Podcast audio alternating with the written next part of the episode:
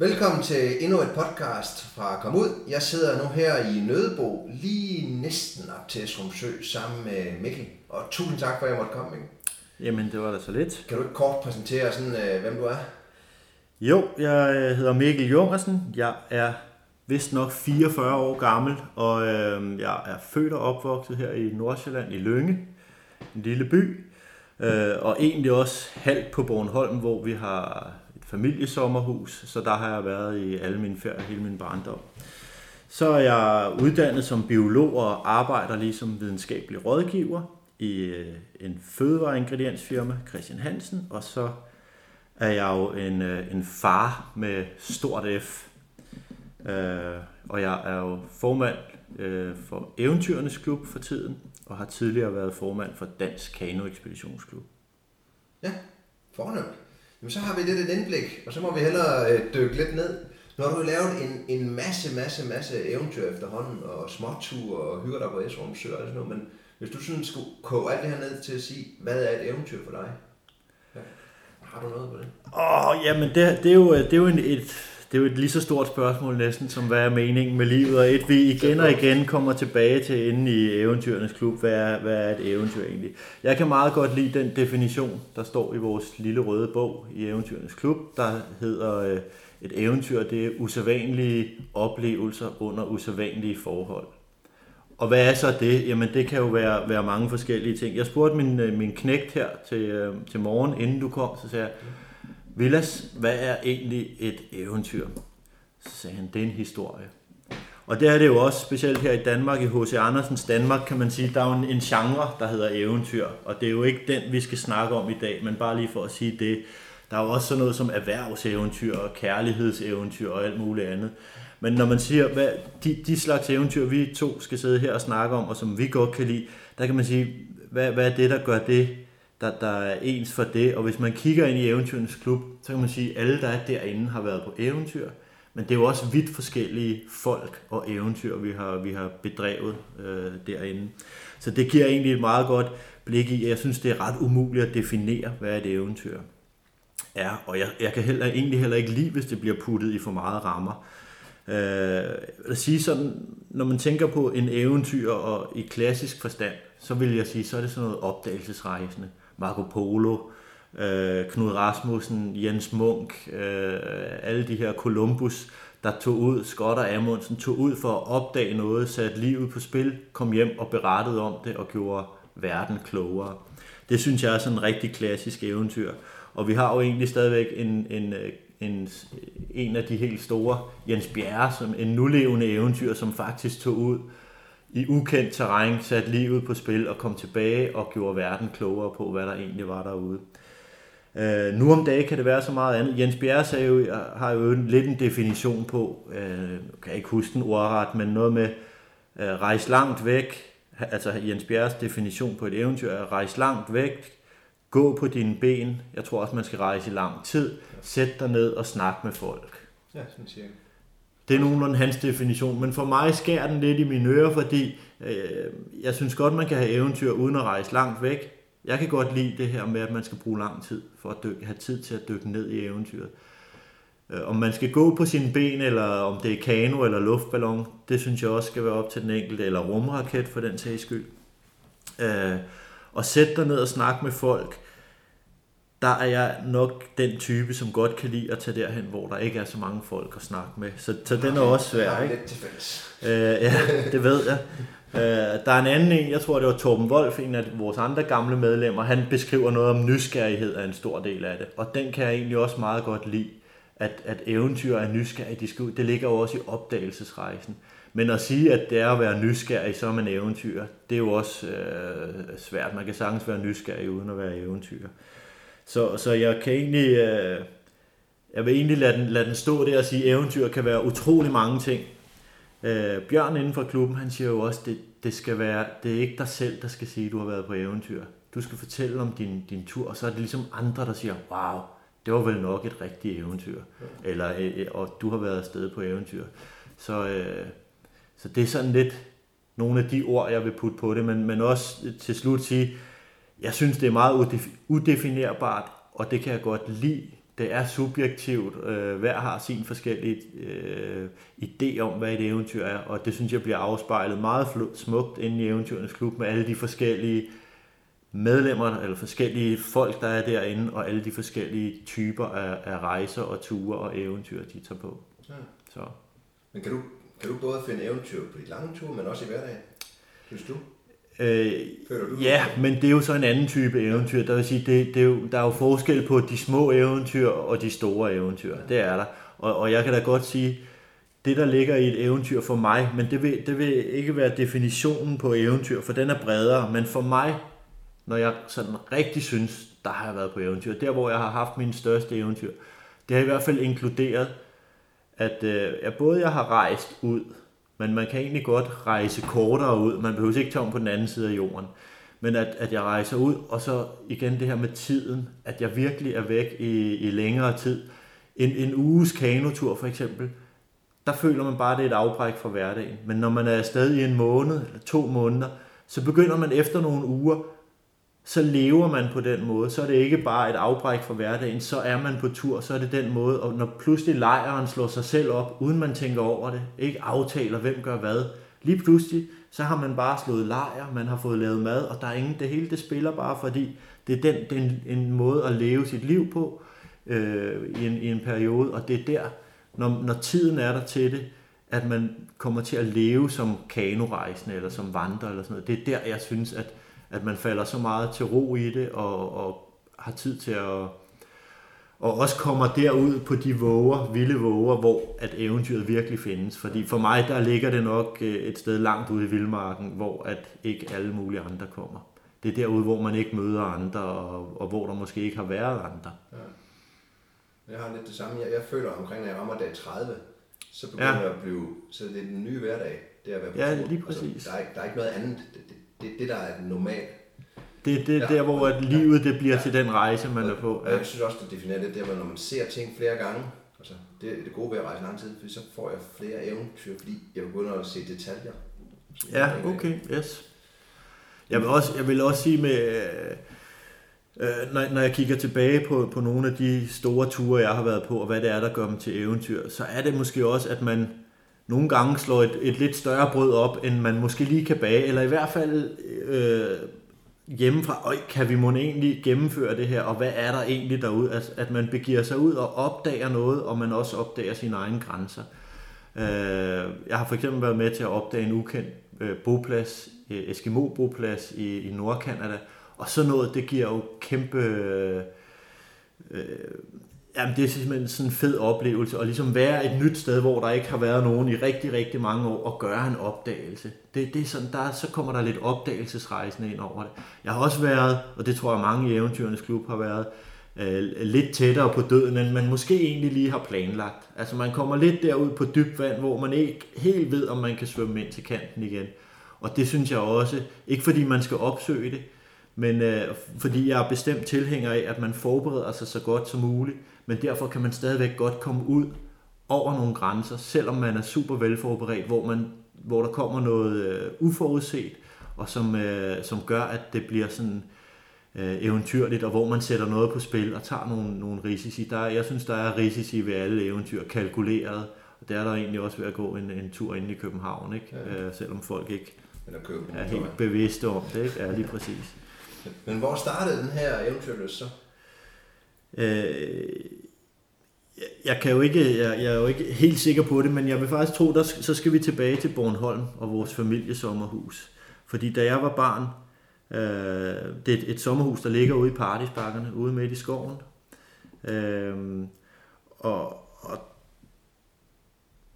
der, øh, der kom jeg rigtig meget som barn, og der gik jeg på opdagelse med min storebror. Ja. Og i starten, der skulle vi jo kunne se huset og vores mor og far hele tiden, men stille og roligt, så bevægede vi os længere og længere væk. Og til sidst, så tog vi på lange ekspeditioner, hvor vi faktisk får lidt vild med vilje, og havde den her idé om, jamen hvis det går helt i fisk, så ved vi godt, at partysparkerne ikke er større, end at hvis vi bare begynder at gå i en anden retning, så kommer vi ud til, til civilisationen igen, og så kan vi nok finde nogen, der kan hjælpe os. Og der, der gik vi på opdagelsesrejse i Paradisbakkerne, og så gav vi alle de ting, vi mødte navne. Øh, Mount Paradis og Paradisåen og ørkenen. øh, Snogesøen, øh, øh, Junglekløften. alle sådan nogle navne, som, som kom sig af, hvordan vi oplevede det, lige da vi så det. Øh, for eksempel Paradisåene, der, der vi, vi gik igennem sådan et grænkrat, vi var helt nede og kravle på knæ, spindelvæv, grænnåle ned ad ryggen, og til sidst så bøjer vi grængrenene til side, og så lige foran os, der løber sådan et lille klukkende vandløb, og fuglene synger, og alt er pludselig lysegrønt og sådan noget, og så tænkte vi, der har vi altså fundet paradisåen. Sidenhen så fandt vi jo så ud af, at, at paradisbakkerne for en stor del var navngivet, og det ikke var os, der havde givet det navnene, så det vi kalder ørkenen, det hedder egentlig Årsdaleret, Snoresøen hedder Gamle Dam og sådan noget. Øh, men for os hedder det stadigvæk de her, her navne. Og der tror jeg egentlig spiren til det her med opdagelse øh, og friluftliv, eller det at være ude i naturen og, og, og lidt far vild eller gå på opdagelse, det, det bed sig fast. Var det inspireret af noget? Altså sad jeg og læste bøger også, eller øh, familien, der gjorde det, eller var det bare den her leg, der udviklede det, det, det var, dengang var det en, øh, en leg, der lidt øh, udviklede sig, og, og vi kom længere og længere væk og opdagede nyt ja. land hver gang. Ikke? Så tør man jo altid lige gå et skridt videre næste gang, man er på ferie der. Ja. Senere hen, i min, øh, i min teenageår, der gik jeg så på noget, der hedder Allerød Ungdomsskole. Der, kunne man, det var, der, der var simpelthen en masse tilbud, man kunne vælge imellem. Skønhedspleje og bygge din egen øh, fjernstyrede bil, lystfiskeri, hvilket jeg også gik til. Og så var der noget, man, man kunne gå til, der hed friluftliv. Og det var simpelthen alle tider øh, for mig og for alle de andre. Og jeg synes, øh, jeg, jeg vil tilskrive en stor del af æren til, til vores lærer, Carsten Schødt, som, som øh, på en eller anden fantastisk måde fik det til at fungere super godt mellem alle de her meget forskellige artede unge mennesker, og fik øh, givet os et stort ansvar også. Det var frihed under ansvar. Så når vi var på fjellet og vandre, så var der altid øh, forskellige folk, der ligesom øh, stod for at føre gruppen igennem ruten den dag, og kort og kompas og så videre. Øh, så der var kæmpe frihed. Øh, og med det her friluftliv, der var vi så både på, på vinterfjellet om vinteren, og så sommerturene. Det var meget i Skandinavien, eller kun i Skandinavien, Danmark, Sverige, Norge. Øh, og sommerturen, det var så kano- eller vandreture i fjellene eller på søerne deroppe. Ja. Og specielt der på kanoturene, der tror jeg, min, min øh, glæde for kanoen øh, voksede ud af det, fordi jeg også er ivrig lystfisker. Og det her med, at man kan have meget grej med, at man altid har en marker, man sidder og snakker med, øh, og at man kan fiske undervejs og sådan noget, det, det øh, tændte mig virkelig. Og der kan man sige lidt på det her øh, hold friluftliv, der var lidt det, som meget moderne hedder en kanon, en friluftkanon. Altså to ting, der i hvert fald var, var meget klassiske der, det var, at man skulle se den her film, der hedder Never Cry Wolf. Uh, Farley Mowat har skrevet en, en uh, trilogi, og blandt andet også den her bog, uh, Never Cry Wolf, som så er blevet filmatiseret. Jeg tror, den hedder Ulvenes Land på, uh, på dansk. Og det er sådan en, en historie om en videnskabsmand, der tager ud op i Nordkanada og skal, skal beskrive øh, ulvene og hvad de lever af, om det er rensdyr eller hvad det er. Og, og, og han er derude i lang tid og lever sig fuldstændig ind i det der. Og den film, den bed sig virkelig fast. Og så var der en anden ting, som var med i den her øh, kanon. Det var så bogen øh, Afsted af Peter Bang, som, øh, som var vores øh, store held dengang, fordi han skrev alle de her friluftbøger, og så havde han skrevet den her bog, der hed Afsted. Og det er øh, den bog, første gang jeg satte mig ned og læste en hel bog fra ende til anden, uden pause, det var da jeg læste Afsted. Jeg satte mig simpelthen i øh, en lænestol, og så slog op på side 1, og pludselig nogle timer senere, så var jeg færdig med bogen. Og jeg tænkte, what, det er første gang, jeg har læst en hel bog, og det var simpelthen fordi, den greb mig så meget. Og ud fra, ud fra det her, der voksede jo drømmen øh, om Nordkanada som det store, den store vildmark, hvor der var flere bjørne, fiskene var større og alt det her. Og, og der var det så min kanomarker på det her øh, hold, øh, Claus Højland. Ham og jeg, vi simpelthen efter, at vi havde gået til det her friluftliv. Hvor mange så, år gik I til det? Jamen, det var de fleste af mine øh, teenageår. Så det var næsten så det var måske, ja, det var ligesom at gå til spejder, kan man sige, ikke? hvor der, øh, det så ikke galt om at, at, at bygge de her rafte ting og sådan noget, men, men egentlig meget det samme, så var det bare ude i vildmarken i stedet for spejderlejr. Ja, det er Fantastisk mange der mulighed. Jeg har aldrig hørt om, hvad Nej, nej, jeg ved heller ikke, om det fungerer, øh, men, men jeg vil da sige det sådan, dengang der var det også, øh, man kunne gå man kunne gå til friluftliv på en efterskole, og det var Himmelbjergenes Ja. ja. frilufts- Ja. og Orienteringsløb idrætshøjskole. og den, ja. Øh, den søgte jeg ind på, men kom ikke ind. Så jeg gik på Kastanjevejens efterskole inde midt i København i stedet for. Men nu om dage, bare for at sige det, udviklingen er jo, at næsten alle efterskoler og højskoler nu om dage har en eller anden frilufts- eller adventure-linje. Jamen, Så det, det er i hvert fald blevet... det har netop det der adventure over sig. Jeg synes ikke, der er Ja. meget rent friluftsliv. Det er meget konkurrenceagtigt, og ikke det der med at være så længe derude, men Nej, okay. igennem, og det er Ja. min oplevelse. Ja, ja, men jamen, jeg har heller ikke prøvet det jo, men, men dengang med friluftsliv, jeg synes jo også, det er en, var en helt unik øh, En gang om mulighed. ugen, Og eller hvad? Det var hver tirsdag aften på allerede ungdomsskole, Og så ja. og, så, og så havde vi så havde vi nogle weekendture øh, i løbet af året, som ofte var forberedelsesture. Altså hvis vi skulle på en vandretur øh, om sommeren, så havde vi nogle weekendture eller dagsture, hvor vi så gik med tungere og tungere rygsæk, og så fyldte vi den op med telefonbøger og alt muligt andet tungt. Det var dengang, man havde tykke telefonbøger.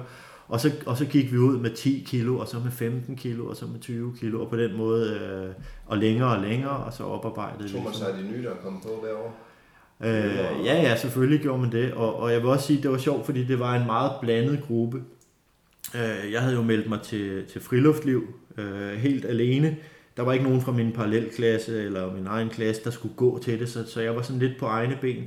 Og så gik jeg over på allerede ungdomsskole, det var på, jeg tror det hed Engholmskolen. Øh, Øh, og så fandt jeg et skilt, hvor der stod friluftsliv, og så gik jeg ind ad døren, og så var det faktisk 50% piger og, og 50% drenge. Så tænkte jeg, det, altså jeg havde jo forestillet mig, at, at der sad nok nogle lidt ældre gutter med fuldskæg og kløede sig, i, og så sad de og kiggede på et kompas. Så jeg gik faktisk ud af lokalet igen, og tænkte, det her, det må da være skønhedspleje eller et eller andet, ikke? Så jeg gik ud af lokalet, og så læste jeg skiltet igen, nej, det er sgu friluftsliv. Og så gik jeg ind igen, og så sagde, er det her friluftsliv? Jamen det er det, kom indenfor, og sådan noget.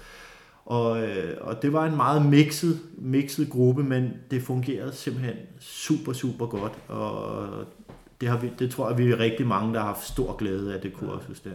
Og det gik jeg til, jeg tror, at det har, været, det har sikkert været over en femårig periode, fra midt-80'erne til, til 90 eller sådan noget. Fantastisk. Ja. Så skulle du øh, en ven, sagde du. Så var der en tid til nogle eventyr. Ja, men det var, det var øh, som sagt drømmen om Nordkanada voksede ligesom ud af det her øh, friluftlivshold og af, af filmen Never Cry Wolf og Peter Banks øh, afsted. Øh, og der var det så min, min, det, som blev min rigtig, rigtig gode ven på det her friluftlivshold, og som er det den dag i dag, Claus Højland. Vi tænkte, det vil vi eddermame gerne, det der Nordkanada. Og det var faktisk, jeg mener, det var Claus, der dengang der var der ikke så meget, der hed e-mail og, og så videre, så det var, Claus han skrev et brev til Nordkanada, øh, til deres, jeg ved ikke om det hed turistebureau dengang, men og fik simpelthen rekvireret en brochure og noget med, hvor man kunne, et indekskort, hvorfra man så kunne bestille øh, detaljkort over området. Og det var ligesom der, det startede. Så satte vi os ned med det materiale der, og så begyndte vi så at skrive til forskellige folk og tage, tage kontakt til dem i Danmark, der havde prøvet det, og, og bygge vores egen tur op. Og på den måde så mødte jeg faktisk øh, flere af de medlemmer, der var med i Dansk Kano Ekspeditionsklub. Den var stiftet i 1990, og det her, der er vi tilbage i 91, da vi begynder at planlægge. Vi planlægger den her tur i, ja, faktisk over et år, ikke? så vi har måske startet i 90, men, men i 91 tager det rigtig fart, og vi er så på, på tur i 1992, da vi er sådan to 20-årige knægte, der kaster os ud i det. Ikke? Ja, ja. Jeg har også været en manddomsprøve. Og Det var det, det, var det bestemt, ja. ja. Jeg vil også sige, med, med planlægningen, der er vi jo så også blevet langt mere erfarne hen ad vejen. Ikke? Jeg husker en af de ting, vi vidste selvfølgelig godt nogenlunde, hvad vi skulle have med, og sådan noget, men med maden var vi ikke sådan helt skarpe på det, så da vi står op i, i, i Canada og skal købe ind, så står vi der og kigger på øh, toiletpapiret, og så, hvor, hvor meget skal man egentlig have med, sådan, og hvor meget skider man på sådan en tur der, og hvor meget bruger man. Og, ja, det ville vi i hvert fald ikke løbe tør for, så jeg tror, vi købte 16 ruller, ikke? og vi bruger jo cirka en rulle per mand på sådan en tur der, så øh, jeg vil sige, at det sådan, vi havde, vi havde masser af toiletpapir med. Til gengæld sådan noget som marmelade, det løb vi hurtigt tør for, ikke? Så der havde vi simpelthen øh, ikke, der havde vi ikke helt erfaring, og hvor, hvor meget spiser man egentlig, og så, så videre, ikke? Og ikke få det delt ud i, i ugeversioner eller noget. Nej, nej, det gjorde vi det ikke så meget, og det, det kan jeg egentlig det, meget godt lide. Det gør vi stadigvæk ikke. Mm. Jeg har mødt nogle, øh, nogle amerikanske øh, ture, eller hvad hedder det, grupper deroppe, og kanadiske grupper, og de, de havde sådan lidt mere spider-princip, og havde nemlig det her med, at, at mandag den 17. der spiser vi den her pose, og tirsdag der er det sådan her. Der har vi mere gjort det i, og der tror jeg, jeg snakker sådan generelt for hele Dansk Kano Ekspeditionsklub, at, at, og alle, der har været deroppe, der var det mere sådan noget med, at man tager basisfødevarer med, øh, ris, pasta, kartoffelmel, kartoffelmospulver, havregryn, olie, alt det her, nogle forskellige pulver, saucer og saftevand, så man har basisfødevarene, og så prøver man at fiske og jage det sidste, og så er det lidt efter tid og vejr og vind og lyst, fordi nogle dage, når det bare er virkelig, virkelig hårdt, og man skal nå en øh, kryds en sø eller et eller andet, og det har virkelig været hårdt, så kommer man i lejr, og så har man måske ikke lyst til at sidde og bage brød og lave øh, søret eller kaj, men, men bare, så hedder det bare noget hurtig pasta, og så, øh, og så ind og sove. Ikke? Andre gange, så har man måske overlæggerdag, fordi man er lidt foran tidsplanen, og øh, solen skinner, og man har fundet den perfekte lejrplads, og så er det måske der, man kaster sig ud i både at lave kanelsnegle og en eller anden fiskeret, fordi man også har tid til at fiske. Ikke? Ja. Så det har mere været sådan tid og lyst, der har, har bestemt det. Så I fik pakket og øh, sat styr på ruten hjemmefra og det hele? Ja, vi, vi, vi havde valgt Anderson River ud fra, øh, fra det hensyn, at, at det, en, en, det vi rigtig gerne ville, det var at være oppe i det subarktiske, hvor man både har taigaen og tundraen, altså nåleskovsbæltet, og så den her lidt mere tørre græsslette. Øh, så, så vi starter ned i tæt, tæt nåleskov, og så ender vi op på tundraen, hvor man jo kan se milevidt. Og lige netop det der overgangszone, hvor træerne langsomt tynder ud og går over til tundraen, det er, det er mit favoritområde, det kan jeg lige så godt sige. Man kan tænde bål hele vejen, fordi der er drivtømmer på floden hele vejen. Og så specielt når man kommer op på tundraen, hvor man kan se de store dyreflokke og sådan noget, men samtidig øh, lave, lave bål og sådan noget, det er, det er altid os. Så vi havde valgt at padle faktisk, vi havde planlagt en to måneders tur, hvor vi skulle padle 600 km på Anderson River, og så skulle vi padle en, en måned, øh, også cirka 600 km. Den anden halvdel af turen skulle være ude i Ishavet, i noget, der øh, hedder øh, Liverpool Bay og Eskimo Lakes. Et, et fjordsystem, der går tilbage mod, øh, øh, over mod vest, over mod Alaska. Og så skulle vi padle helt ind til en, en, en sø, der hed Citigi, eller hedder Citigi Lake, og så skulle vi hentes derfra i vandflyver. Så, så det var en to måneders tur. Alt var pakket og klart, og vi flyver ud fra Norman Wells i en vandflyver, der får vi jo spændt vores kano uden på pontongerne, fyldt den lille Cessna 185 med al vores happengud, og så flyver vi ellers afsted. Og der må jeg sige, der, der, der går det også først rigtig op for os, hvad det egentlig er, vi har gang i. Fordi man, man, vi er allerede landet i Norman Wells, som er en lille flække langt, langt, langt ude i vildmarken. Der er bare en grusvej derud, og, og man kommer der til mest med vandflyver. Men da vi så flyver videre, øh, ud over vildmarken. I, I to timer, der flyver vi bare ud over den endeløse vildmark. Og så pludselig så er der en lille sø, og så siger han, det er her. Ah, er det den sø der? Ja, det er det. Og så kredser han lige rundt, lander på søen, og, øh, og så begynder han bare at binde kanonen af og smide alt gradet over i kanonen. Og så siger han, øh, I må have en god tur. Og så står vi der, 22-årige knægt, og siger, så er det fandme nu. What, mand? Har vi husket det hele? Hvad, har, har vi tændstikker, ikke? hvad med tandbørste, altså de der ting, som man bare ikke må glemme, ikke? Hvad med teltstængerne, ikke? Nødradioen, alle de der ting, og han siger bare, god tur, og så flyver han, og så, vrun, og, og så kan man bare høre motorlarmen først, så ser man bare vandflyveren glide væk over græntræerne der, og så kan man i lang tid efter høre den der lyd af, af vandflyveren, der bare knurrer afsted ud over vildmarken, og stille og roligt, så dør den bare ud og så er der bare helt, helt stille. Så er der bare lige myggenes summe tilbage, og der står vi bare måbne og kigger på hinanden og tænker, wow. Og der kan jeg virkelig mærke det der sug i maven, at her der har vi altså slået større brød op, end vi nogensinde har bagt før. Og spørgsmålet er, vil det her brød nogensinde blive bagt? Ikke? Ja. Øhm, så efter den, det der sug i maven lige har lagt sig, øh, så begiver vi os så afsted og der kan vi også mærke, at vi skal slå lejr ind. I starten, da vi er afsted sidst i juni, isen er lige brudt deroppe sidst i juni, og, og man har sådan cirka juli-august med, før sneen kommer igen. Og, og da vi skal finde lejr de første par gange, det er helt umuligt, fordi vandstanden er så høj, så alt er simpelthen bare pilekrat inde ved bredderne og tæt, tæt grænskov. Så vi skal virkelig, det er første gang, vi, vi finder en, en lejr, så tænker vi, her der er sgu da i det mindste lidt fladt. Og så finder vi ud af, øh, at vi simpelthen har sat øh, vores øh, telt op midt på en dyrevæksel, ikke? altså hvor der går bjørne. Vi finder bjørnespor tæt på, så vi har simpelthen sat teltet op midt på en bjørnevæksel.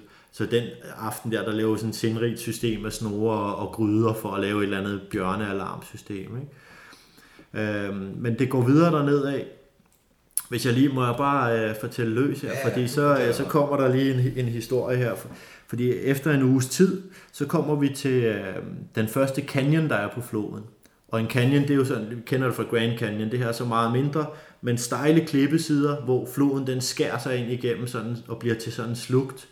Og der, hvor floden bliver smal, der bliver den jo hurtigt strømmende. Tit og ofte så er der masser af fosser i sådan en canyon, og den her, den er så omkring 10 km lang. Øh, og vi kigger på nogle af de her fosser. Vi er ikke super skrabe til at padle fos. Vi har været på fostræningsture for at forberede os, men det var ikke det, vi var skrabest til. Så vi vælger at, at, at padle den første lille fos, og så den næste lidt større kommer, så tænker vi, at uh, her vil vi line kanonen ned igennem, eller tåge den. Det vil sige, at man binder et reb i hver ende af kanonen, og så trækker man den inden langs land. Fordelen er jo, at man ikke skal have alt udstyret ud af kanonen og bære det frem og tilbage og frem og tilbage. Så vi liner kanonen ned igennem den her fos. Øh, har ikke bundet alt udstyret særlig godt fast, men vi har sat et sprayskirt over kanonen. Det er sådan et, et, et, en øh, præsending, ligesom med to mandehuller i, man kender fra kajakkerne, men her er det altså til en kano. To mandehuller og så et, et, et præsending ud over hele kanonen, der bliver spændt godt fast. Og så liner vi ned igennem. Og så kommer vi til sådan et sted, hvor der er et lille, et, et, et lille vandfald, altså et drop på floden. Og da kanonen ryger ned, igennem, ned over det her drop, så er det ligesom om, at vandet det fosser lige ind i det bagerste mandehul. Og på et splitsekund, så bliver øh, hele kanonen fyldt med vand. Og så ligger den så på tværs i strømmen.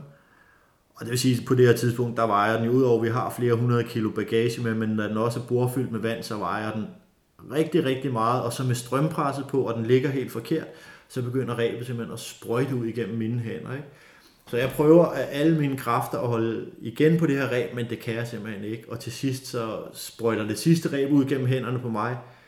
Og så kan jeg se, at Claus han står, han har fat i forenden af kanoen. Han står længere op af bredden og, og prøver at holde igen der. Og så løber jeg op mod ham, og så siger jeg, Claus, Claus, kan du holde den?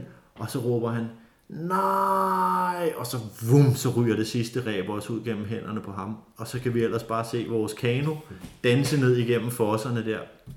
Og så råber jeg til Claus, Claus, vi skal efter kanonen, vi, vi skal have fat i den, vores liv ligger i den, for det er godt klar over, og så løber vi simpelthen alt, hvad remmer og tog kan holde ned langs bredden. Det skal siges, der er jo ikke nogen sti at løbe på. Nej. Altså, vi er i sådan en klippefyldt uh, terræn, der er, det er krat, den bedste sti, det er en bjørnevæksel, ikke? Og vi har vandrestøvler på, øh, vildmarkstøj, ikke? og så løber vi bare efter den der kano. Og så sker der det efter cirka 500 meter, der er ikke gået så frygtelig lang tid, så pludselig så kiler øh, kanonen så simpelthen fast, eller togrebet, det reb vi har i forenden af kanonen, det kiler sig åbenbart fast på bunden af floden. På trods af, at det er flydereb, så på grund af strømvivler og alt muligt, så er det kommet ned på bunden, der kiler det sig fast, og bum, så ligger kanonen midt ude i sådan en rimelig stor fos, med bunden i vejret, og så ligger den bare og, og, og vugger fra side til side. Ikke? Og så står vi inde på bredden, og så kigger vi bare ud på vores kano. Og vi står vandrestøvler, fjeldreven bukser, t-shirt, myggejakke, sådan en bomuldsnetjakke med hætte. Så har vi en par grislapapir øh, til at rulle smøger af, en lighter, en svejser lommekniv og to svømmeveste. Det er hvad vi har. Og så står vi og kigger ud. Der er cirka, floden er cirka 50 meter bred der, så der er måske 25 meter ud til kanonen og 25 videre over til den anden bred der. Så tænker jeg, fuck, hvad skal vi, hvad gør vi? Vi skal have fat i den kano der. Og så har vi ligesom tre gode idéer, øh, eller vi har i hvert fald tre idéer. Den ene, det er, at en af os tager begge svømmeveste på, og så går vedkommende opstrøms, og prøver at kaste sig i vandet, og så prøver at svømme ud til kanonen, i den her lidt rivende fos. Og så når man kommer ned til kanonen, så skal man så have en svejserkniven, skal man så have, have åben, og så skal man skære rebet over, mens man driver øh, forbi kanonen der. Så skulle man lige hakke rebet over, ikke? så man kunne få kanonen fri. Problemet med den plan, det er, at længere nede, øh, 100 meter længere nede af floden, der er en ret voldsom fos, som man nødig vil ned i. Hverken med kano eller med mand. Ikke? Så det var sådan lidt en, en downside på det, på det eller en, en, en dårlig side ved den plan. Den anden plan, vi har, det er, at vi kunne prøve at fælde skovens største træ. Øh, så den højeste græntræ, vi kunne finde, det tænker vi, det kan cirka nå ud til kanonen, hvis vi kunne finde et, der var så højt. Det kan godt være, der kun er 20 meter derud. Men vi, vi, vi chusser, at det højeste træ, det vil cirka kunne nå ud til kanonen. Problemet der, det er selvfølgelig øh, at fælde skovens største træ med en, en svejserkniv, men det skulle man jo nok kunne komme igennem. Og så afgrene det også. Og så få det slæbt ned til flodbredden. Og så er vi selvfølgelig også bekymrede for, at når vi så endelig får det lagt i, så ser vi jo bare sejle videre ned ad floden, inden vi overhovedet når at få bygget en eller anden bro ud til kanonen. Og hvad fanden skulle vi også Altså, hvad skulle vi gøre, når vi... Måske havde vi en forhåbning om, at vi så kunne støde til kanonen og få den fri. Og den tredje plan, det var at vente på det spot i en måned, fordi så vidste vi, at øh, der ville komme en anden dansk ekspedition forbi. Øh, præcis en måned senere, der var de otte mand, der skulle, øh, skulle ud og padle. Anderson River også. Det var de to, så vidt jeg ved, de to ekspeditioner, der var på den flod den sommer. Og så kunne vi så sidde der og leve af kildevand og grænnåle til. Øh, så, så jeg var nok mest til den der plan med, at jeg skulle tage svømmevestene på, og så skulle vi ud og hakke det ræb over. Det kunne ikke gå hurtigt nok, men så sagde Claus meget klogt, ikke inden vi gør noget som helst, så tager vi 24 timer, hvor vi tænker os rigtig godt om, er det her nu også det rigtige? Fordi det, det er der ingen problemer i, at lige slå koldt vand i blodet 24 timer, og så lige tænke os om, så vi ikke laver et eller andet øh, panikløsning. Den var jeg selvfølgelig med på. Og så får vi bygget en lille, der er en lille klippehule, naturlig klippehule. Vi sætter nogle grænrafter for og lægger noget grænris ind i bunden, så vi kan ligge og sove der. Vi får tændt et bål med den her lighter, og så har vi det ellers sådan lidt halskidt, fordi vi er virkelig ude på dybt vand nu. Øh, og jeg går også en tur for mig selv og tænker på familien derhjemme, og hvad fanden gør vi, hvis ikke det her det går godt, og så videre. Øh, vi skulle også lige, øh, vi skulle simpelthen, vi, vi var rygetrængende på grund af det her, og, og tobakken lå ude i kanonen. Men, men så havde vi jo læst i en gammel bog, at sådan noget tørret vidje inderbak, det var god indianertobak. Så vi får skrabet sådan nogle pilekviste der, tager noget inderbak, tørrer det over bålet, og får det rullet ind i sådan en rislapapir. Og så suger vi i den der smøg. Og det er simpelthen ligesom at hive i søndagsbærlingerne øh, med el i. Så det krasser bare helt vildt, og så hoster vi begge to helt vildt, og så smider vi smøgen på bålet og, og har lidt mere nedtur efter det. Øh, men så går jeg så, ja på et tidspunkt, så kan vi også pludselig se øh, Claus' Scoretex-jakke, den hænger i det bagerste togræb og vivler som sådan en spøgelse i strømmen.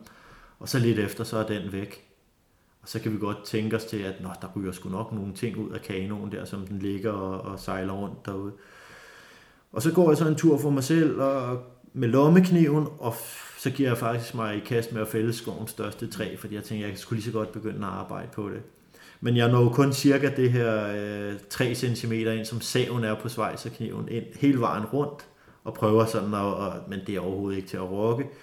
Og så går jeg mismodigt tilbage til, øh, til hulen, der hvor Claus han ligger og sover, eller i hvert fald hviler sig, og kigger, kigger ud på kanonen, og så sker der noget, jeg ikke har set før, fordi tidligere har kanonen ligget og svaret fra side til side, men så pludselig så dykker forenden, der er ligesom om der er en bølge, der skyller ind over den, og forenden den dykker ned, og så på grund af, bagefter, da den så popper op igen på grund af opdriften fra tønderne, så får den simpelthen sprængt torvet i forenden. Så det siger lige dunk, og så ser jeg, at kanonen begynder at drive ned igennem fosserne. Og så råber jeg til, Kano, eller til, til Claus, at øh, Claus, Claus, kanonen har revet sig løs, så er det nu! Og så ryger han ud af hulen, og vi lader bål være bål, og hule være hule, og så løber vi bare efter kanonen, for vi er godt klar over, at den skal, ikke, den skal vi ikke slippe af syne. Det her, det, det er så klokken 1 om natten, cirka, øh, men heldigvis er der jo lyst hele døgnet rundt derop, så vi løber fra klokken 1 til 4 om natten, cirka 3 timer, løber vi de der 10 kilometer, igennem klippefyldt terræn med det ene for øje at få fat i den der kano, men den driver bare igennem fos på fos på fos ned igennem hele canyonen. Og vi er rigtig, rigtig bange for, at den skal krølle rundt om en sten derude, fordi hvis først den krøller rundt om en sten midt uden for os, så kan vi ikke komme til den. Så det var, det var selvfølgelig mareridtet, men heldigvis så skyller den hele vejen igennem canyonen, og vi har fulgt med den alle 10 km, og så kommer den ud på rolig vand bagefter, og så får jeg begge svømmeveste på, svømmer ud til den, får taget en paddel ud under, under vandet, under sprayskørtet, og får den padlet ind med bunden i vejret ind til bredden, hvor Claus han så har tændt bål i mellemtiden, så jeg kan få varmen igen. Og så får vi sådan ligesom gjort op, hvad, hvad der rådet ud her. Og der er blandt andet rådet nødradioen ud. Så nu er vi fuldstændig afskåret fra omverdenen. Så teltstængerne, de rådede ud. vi, havde, øh, vi havde købt det mest moderne telt, vi kunne finde. Et V25 Geodesic Dome, sådan meget, meget smart og moderne øh, kuppeltelt. Øh, og det blev så reduceret til sådan en, en, øh, en teltdu, hvor vi satte en granraft ind i midten, og så hang øh, teltdu-siderne bare ind i hovedet på os. Ikke? Så det fungerede mere som et myggenet. Vi kunne sove myggefrit om natten. Øhm, så havde vi mistet alt vores regntøj, alle vores Gore-Tex-jakker. Vi havde mistet begge vores jagtgeværer, så der var heller slut med bjørnebeskyttelse på den konto også. Vi havde mistet fire ud af fem fiskestænger. Vi havde mistet en blå tønde med halvdelen af vores mad. Alt slik og chokolade, al mel, al ris, kartoffelmest, pulver. Det var væk. Øh, så vi levede i 21 dage, der levede vi kun af pasta til frokost og aftensmad. Og så er, er mælkepulver var væk også, og så er havregryn med vand på til morgenmad. Fordi vi kunne ikke lide havregrød dengang. Det vil jeg så nok have foretrukket nu men, men vi tog det bare havregryn med vand på. Øh, så havde vi mistet halvdelen af kortene. Det var ikke så kritisk, fordi det, man kan sige, at finde vej på floden er nemt nok. Det er bare nedstrøms. Øh, så havde vi mistet alle vores muks, det vi spiser af. Øh, så vi spiste og drak kaffe resten af turen af vores to aluminiumsgryder. Øh, vi havde mistet en masse grej, men, men vi havde egentlig humøret i behold stadigvæk. Og for lige at afslutte denne her, så, så sker der det, at vi padler videre ned af floden, lever af pasta og, og havregryn med vand på i 21 dage.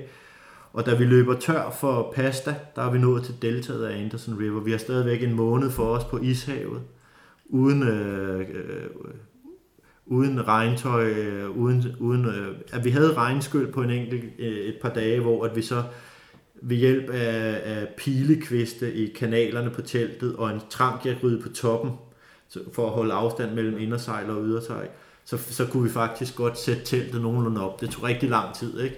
Men, men vi kunne godt sætte, sætte teltet nogenlunde op med, med pilekviste og granrafter. Øhm, men, men vi, ville, vi havde set på kortet, at der var en, en, noget, der stod bare Radio 2000 ude på en ø ude i Ishavet, hvor der var markeret en eller anden antenne. Så vi tænkte, der må skulle komme mennesker ud en gang imellem for at tilse den her antenne og, og, og komme ud med et eller andet benzin, eller hvad fanden ved jeg. Så det var vores mål, det var faktisk at komme ud til denne her antenne, og så se, om der ikke var en radio, om vi ikke på en eller anden måde kunne, kunne tilkalde hjælp derudefra, eller, eller måske møde mennesker, eller et eller andet. Øh, så vi kommer ud i deltaget, og har lige netop spist al vores sidste pasta, og øh, vi har slået nogle øh, gæs ned, vi har slået tre gæs ned med padlerne undervejs for at få mad. Øh, de, bliver, de bliver afslået, ja. det vil sige, de smider svingfjerne, ja. og så kan de ikke flyve, og så, og så øh, dykker de så ud på floden, eller søger, løber væk ind i krattet. Men, men vi havde simpelthen nogle rigtig lange jagter efter dem ude på vandet, hvor vi afkræftede dem stille og roligt. Hver gang de så poppede op igen, så padlede vi efter dem, og så dykkede de, og så bliver de mere og mere afkræftet. Til sidst så kunne vi komme tæt på. Øh, en af gangene flygtede den så over land, hvor Claus han så stiger ud af kanonen og løber efter den ind i krattet og får indhentet den, og så får han øh, slået den ned med padlerne, eller med en padel. Øh, fantastisk sceneri at sidde i kanonen og se Claus og gåsen forsvinde ind i krattet, og så kunne jeg høre nogle skrig derinde, og så kom Claus tilbage med en gås. På det her tidspunkt, der har vi bare en snegås med, som vi har fået øh, slået ned med padlerne og kastet sten efter, indtil den døde og, øh, og kommer op i deltaget, og der ligger så en hytte, der bare står bare øh, øh, abundant øh, et eller andet, altså forladt hytte står der på kortet. Og så kommer vi op til den, og da vi så går i land der, så kan vi se, at der er, der er sgu fodspor i sandet, som er blevet sat efter sidste regnskyld. Det er vi helt sikre på. Jeg tænker, what man? Og så går vi op mod hytten, og, og tænker, vi skal lige ind og se, om der er mad, fordi hvis det er en pelsjærhytte, vi havde, vi havde tidligere stødt på en pelsjærhytte, hvor vi havde taget noget mad fra for at få noget mel, havde lagt nogle penge og et brev til pelsjæren der. Men her skal vi også ind og se, er der radio, er der mad, hvad er der inde i den her hytte? Tager i dørhåndtaget og går ind, og så kommer der simpelthen en, øh, en biolog, en, en mand ud med os med mor, mod os med, med morgenhår, og så kigger han på os og siger han, jeg tænkte sgu nok, der kom nogen forbi på et tidspunkt. Og så stiger vi bare på ham og så siger har, har du en radio? Kan, har du i kontakt med omverdenen? Og så siger han, ja ja, hvad er problemet? Jamen, vi er på skideren, kan du kalde og så siger han ja, og fra det tidspunkt af, der falder simpelthen en kæmpe sten fra vores hjerter, fordi der føler vi, nu er vi skulle på sikker grund igen, ikke? nu er vi reddet. Øh, fordi vi er jo slet ikke klar til, vi har ikke mere mad, vi har ikke gore jakker så vi er slet ikke klar til en måned i ishavet. Så vi vælger derfra, så bor vi hos de to biologer, der i øvrigt studerer snegæster op. Øh, og vi har jo en, en død øh, skam slået snegås liggende nede på kanonen. Men vi bor hos dem i fire dage. De kalder ind til øh, flyselskabet i Nuvik og siger, kan I øh, komme og hente de her to gutter. I har en aftale med dem om en måned, men de vil gerne hentes en måned før, og, og, og så herude hos os. Og det kan de godt. De kan komme om fire dage, og så bor vi ude hos dem, og har det rigtig, rigtig rart øh, at få dejlig mad af dem, og, og hygge os derude i hytten. Og så bliver vi så reddet ud fra, øh, fra floden og tilbage til Inuvik. Og dagen efter, da vi skal ned og snakke med flyselskabet, der får vi så at vide, at den danske ekspedition, der er på vej efter os, de her otte deltagere, de er nu kun syv der er faktisk en, der er druknet lige præcis der, hvor vi også havde øh, problemer. Så flyselskabet skulle ud og lede efter ham, og, og det er selvfølgelig en meget, meget tragisk historie. Øh, men det sætter det også i perspektiv for os, at vi bliver selvfølgelig ekstra lettet over og, og, og lykkelige over at være levende tilbage i civilisationen. Og sætter også lidt streg under, at de ture, man tager derud, det er, øh, altså man skal sgu... Øh, passe godt på at være velforberedt. Der, der kan altså ske meget derude. Ikke? Ja, det er store kræfter. Ja. Så kom I klogere hjem? Vi, kom, vi, kom, vi tog derud meget øh, unge og grønne bag ørerne, og kom rigtig mange erfaringer klogere hjem. Ja. Hvordan, øh, nu, nu, lige sådan et, hvordan gik venskabet, da I stod der? Altså, kom, blev der uenigheder, eller I nu øh, manglede mad og alt muligt andet, eller, eller spillede det bare? jeg må, jeg må simpelthen sige, at det spillede øh, meget over forventning, fordi vi havde også hørt fra andre, øh, der har været op øh, før, at venskabet mellem to unge kammerater, det kan altså godt blive sat på en prøve, når man er afsted i månedsvis i samme telt, og der er ikke andre at snakke med og alt det her. Men det gik forrygende mellem mig og Claus. Der var, øh, altså en gang imellem skal man selvfølgelig lige gå en tur for sig selv og, og have sine tanker for sig selv og sådan noget. Men det gav vi hinanden plads til, og øh, der var faktisk ikke, jeg synes ikke, at der var nogen øh, sådan psykiske, øh, mentale prøvelser i, i venskabet mellem os på den tur. Øh, selv da vi stod i den her meget tilspidsede situation, og også efterfølgende vil jeg sige, de der tre uger efter, hvor vi faktisk er på skideren i tre uger, Øh, men vi har en fantastisk tur, fordi vi, øh, vi har et, et super venskab, og vi har en masse, masse gode oplevelser med dyrelivet, og med lejerslagning, og med kanopadling, og alt det her. Vi har det simpelthen strålende de sidste tre uger, selvom det selvfølgelig er med en usikkerhed, der følger med os i bagagen hele vejen, så, så går det rigtig, rigtig godt. Og øh, vi er også de bedste venner den dag i dag, så, øh, så det gik, den del af det gik over al forventning. Ja, jeg har også kendt hinanden i mange år, heldigvis. Ja, vi havde kendt hinanden i nogle år inden, også på friluftture, ikke? så vi vidste, hvordan vi mentalt var, men selvfølgelig ikke i så pressede Nej, situationer. Det, det gør bare sindssygt meget. Jamen, øh, så kom I hjem der. Var det så med nye planer i, i støbeskeen ved det samme, eller skulle I lige sunde jer? Det, vi, vi skulle helt klart lige sunde os, og fordi det var også et, så starter et nyt kapitel i vores liv. Det var, det var i mellem øh, gymnasiet og universitetet for, min, ja. for mit vedkommende.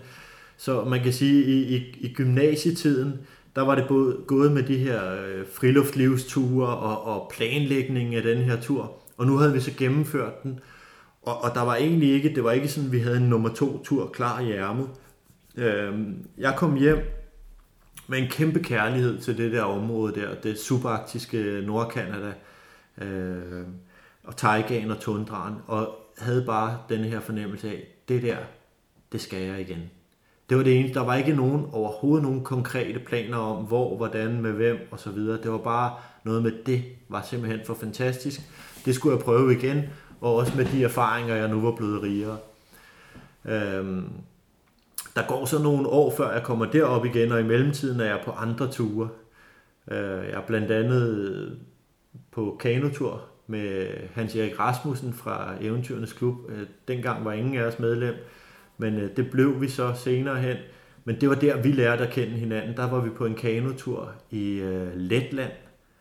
Faktisk for, for øh, en kanotur, som var slået op i Dansk Kano Ekspeditionsklub, og som var for rejseselskabet Seven Seas. Vi skulle over og, og ligesom øh, være pionerer på at se, kunne det lade sig gøre at lave rejse, altså kanoture til Baltikum, og ligesom beskrive en flod, så vi padlede Gavia-floden og lavede en flodbeskrivelse og en, en beretning til Seven Seas, som de så kunne bruge som udgangspunkt for, øh, for fremtidige ture derovre. Og øh, så var jeg også på en, en, en, et andet eventyr med en anden rigtig, rigtig god, en barndomsven, jeg faktisk har kendt siden jeg blev, næsten jeg blev født, for han blev født et år efter mig, men jeg har kendt ham siden han blev født. Vores forældre kendte hinanden. Lasse Jespersen, vi var så på, øh, på tur i junglen, fordi vi havde købt mountainbikes begge to, og så en dag, så siger Lasse til mig, skal vi ikke tage på, øh, på tur sammen på de her mountainbikes? Så siger jeg, jo, for fanden, det skal vi da. Øh, det skal bare være lang tid, fordi det er det, jeg synes er en stor del af eventyret, det er at være lang tid afsted. Jamen, der var han med på. Hvor skal vi tage hen? Så tog vi ind til øh, rejseselskabet Seven Seas, Claus Kærby, og snakkede med ham. Claus, øh, vi har to mountainbikes, og vi skal bare på tur. Hvad, hvad, hvor skal vi tage hen? Og så sagde han, så skal I da tage enten til USA, eller I skal tage til Nepal, eller I skal tage til Malaysia. Jeg ved ikke, hvorfor han fik de der idéer, men det var sådan, så jeg, USA, der havde jeg, havde jeg været rigtig meget i min, øh, eller på en lang tur i, i gymnasieårene. Øh, og det der Malaysia, jeg ved ikke hvorfor, det var bare sådan det, der tiltalte mig mest, og, og som jeg fik Lasse med på, og så, øh, så tog vi to måneder til Malaysia. Det var i 95? Det, det var i 95, ja. Øh, der tog vi til Malaysia og cyklede igennem junglen dernede.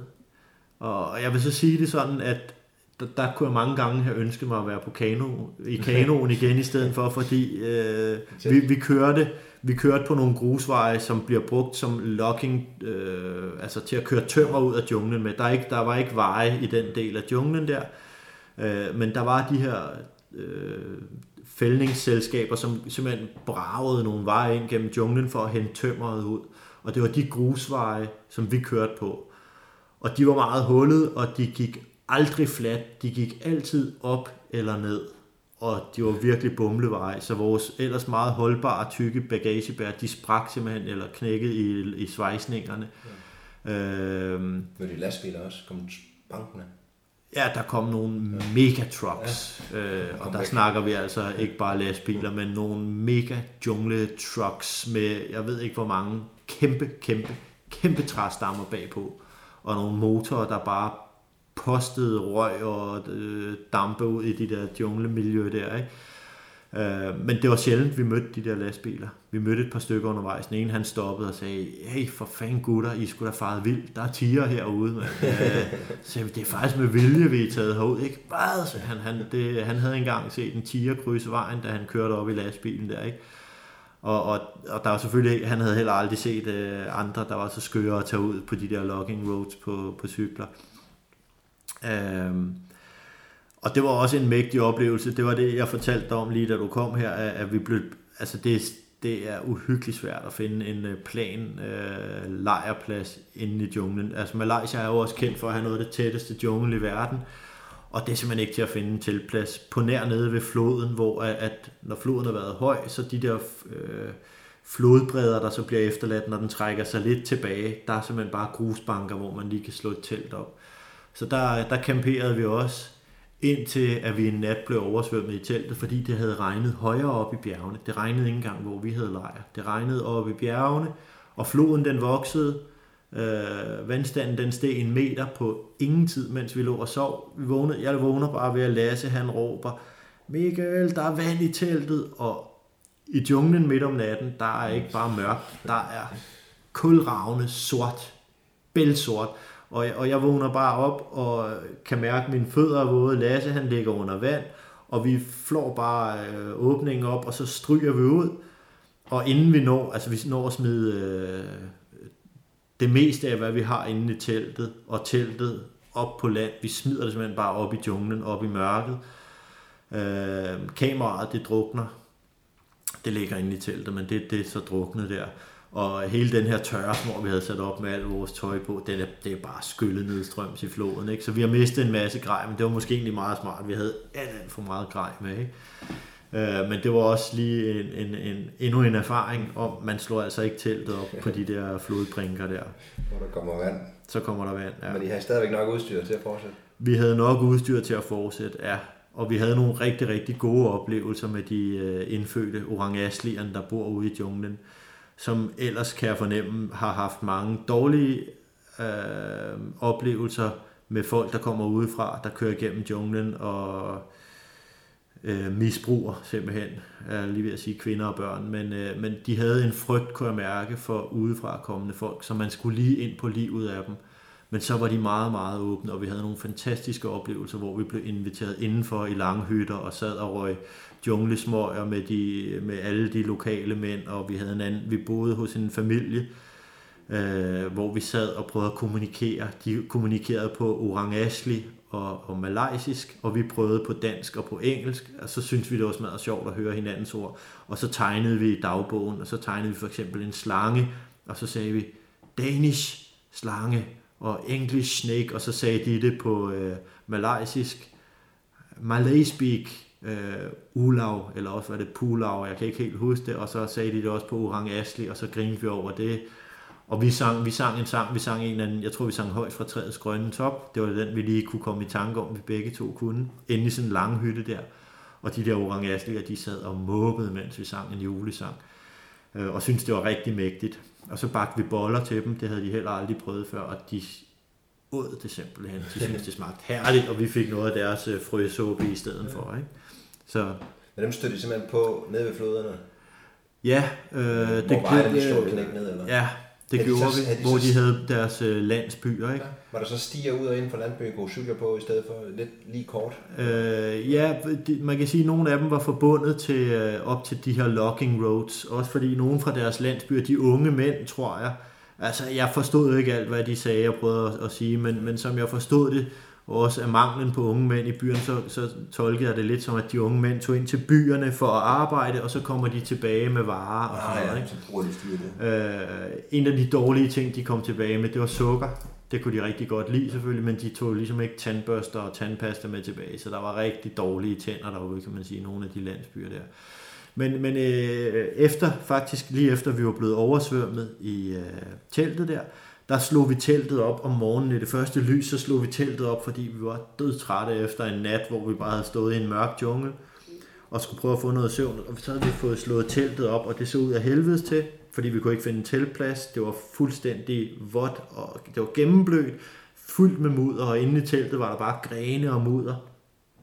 Øh, og, og, og så står vi der om morgenen og bare tænker, shit, en nat. Og så kommer der pludselig to orangaslier gående forbi, to unge mænd med lange blow, uh, øh, pusterør, blowpipes. De er på jagt, og så møder de os, og så kigger de på os. Og, og de kigger lige kort på mountainbikes, og jeg tænker, det vil de da sikkert himle op over, fordi det er jo kul, øh, det var nogle af de første kulfibercykler overhovedet, Univega kulfibercykler, samlet med sådan nogle øh, stålmuffer. Øh, vi er midt 90'erne, det er der kulfiberen lige bliver, begynder at blive brugt til cykler. Der er cykelcomputer på og ringeklokker og sådan noget. Ikke? Men det synes de overhovedet ikke er interessant. De kan slet ikke forholde sig til, hvad de skal bruge sådan en fyr til. I stedet for, så ser de vores machete, og den tager de så op der, og så kigger de på den, og vejer den ligesom, og, sådan, og, og nikker anerkendende til, ah, det er en god machete, de har så her. Og så nikker de anerkendende til os, og lægger den igen, og sådan, så var vi ligesom gode nok, sådan, ah, good weapon der, ikke? Mm. Øhm, og så fortæller de med, så siger vi med tegnsprog, vi lægger sådan foldet hænder op til kinden og siger, at vi, vi sover inde i teltet. Og så peger vi ind i teltet og gør tegn til, at vi sover derinde. Nå, siger de. Og så kigger de ind i teltet, og det er bare vådt, der er mudder, og der er grene derinde, ikke? og så tænker de, jeg kan næsten se, hvad de tænker, ikke? De tænker, hvad fanden, de sover inde i de der grene derinde i mudderet. Ikke? Og så kigger de på hinanden, åh, oh, okay, og så giver de tegn til, vi sover, vi bor, og så peger de ned af øh, floden og siger, vi, vi bor dernede af et sted. Og, og på, jeg kan ikke helt huske, men, men de giver ligesom udtryk for, at vi må da gerne komme derned. Ikke? Og, og det gør vi så øh, senere. Tager vi så på en tur ned til dem for at besøge dem. og øh, de, der finder vi så landsbyen, en masse langhus, de er jo bygget af, af bambus, hævet over jorden, for de har regnskyld og sådan noget. Og der går kvinder og børn og mænd rundt i, i øh, landsbyen stille og roligt. Øh, hundene, hundene de ligger og sover i skyggen rundt omkring. Og så går der øh, høns rundt under alle langhusene og pikker i jorden, hvad de nu kan finde. For alt, hvad de sidder og spiser op i langhytterne, det farer de ned mellem gulvbrændene, og så falder det ned til høns og, og andet husdyr, der går rundt og samler det op. Så der er sådan en stille og rolig landsby idyll der. Og så kommer vi gående, og da så den første hund ligesom får øje på os, så begynder den, så vågner den, stiller sig op, og så gør den, og så pludselig så gør alle hunde, de stiller sig op og gør og gør og gør. Alle høns, de pauser bare op og står og kigger, hvad fanden sker der? Og alle menneskerne, de kigger lige op, og så forsvinder de ind i langhusene, og så lukker de døren. Altså igen får man indtryk af, at de er vant til, at øh, folk udefra ikke er det gode. Øh, vi bliver så bare stående og tænker, wow, man, der fik vi lige sådan en hel øh, krigerlandsby der til at gå i forsvar, ikke? Og øh, føler, føler ret mærkeligt ved situationen også. Vi føler os ikke særlig velkomne, fordi hundene står og gør der, ikke? Men, men man kan ligesom fornemme, at der lige er nogle døre, der går på klem og kigger ud, og mellem øh, bambussprækkerne bliver der kigget på os. Hvem fanden er det, der står der?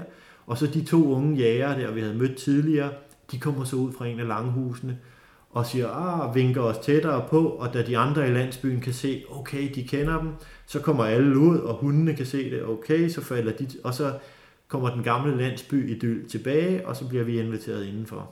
Det er også en rigtig, rigtig god oplevelse. Ja. Fantastisk. Ja. Og der har I to måneder? Der har vi to måneder i Malaysia. Vi har planlagt en måned ude i junglen, men den bliver faktisk kortet af turen, fordi at øh, min rejsemarker der, og til dels også jeg selv, får øh, ret meget diarré undervejs, fordi vi på et tidspunkt, der er vi simpelthen ved at tørste. Øh, det er super varmt at cykle i junglen, når det kun går opad og nedad, og man har sådan en, en tung mountainbike lastet med alt muligt harpengud. Solen den bager bare lige ned, og man okser bare afsted, og man mister rigtig, rigtig meget væske. Man sveder jo helt, helt vildt meget. Øh, og vi, vi har selvfølgelig masser af vandflasker med, men på et tidspunkt er vi simpelthen løbet tør for vand, og vi er så langt væk fra floden. Vi kan ikke komme ned til floden, og vi tørster og tørster og tænker bare på vand. Og vi ved godt, at man selvfølgelig ikke skal, når man så finder et eller andet stillestående øh, vand med haletus og alger og alt muligt, men, øh, men altså, vi er bare for tørstige. Og så tror jeg også på et tidspunkt senere hen, drikker vi af en, af en flod, der er så tilpas stor, at den sikkert har været igennem en landsby. Eller så. Man skal jo som regel finde de her små kilder, hvor der ikke lige har været en landsby opstrøm, som, hvor folk har siddet og besørget ud i floden eller et eller andet. Ikke? Så, så vi, jeg ved ikke helt præcis, hvor det er, men jeg tror, at vi kommer til at drikke noget vand, hvor, uh, som vi bliver simpelthen uh, syge af. Ikke? Uh, så vi skal, vi skal ud af junglen, og uh, Lasse han får faktisk uh, han får uh, noget medicin mod, hvad hedder det, kolera. Ja. Så uh, jeg er ikke sikker på, at det var kolera, men, uh, men det blev i hvert fald behandlet, og så kom vi ovenpå igen. Så turen blev lidt afkortet der. Ja. Og så fik I lidt tid til sightseeing, inden I tog med?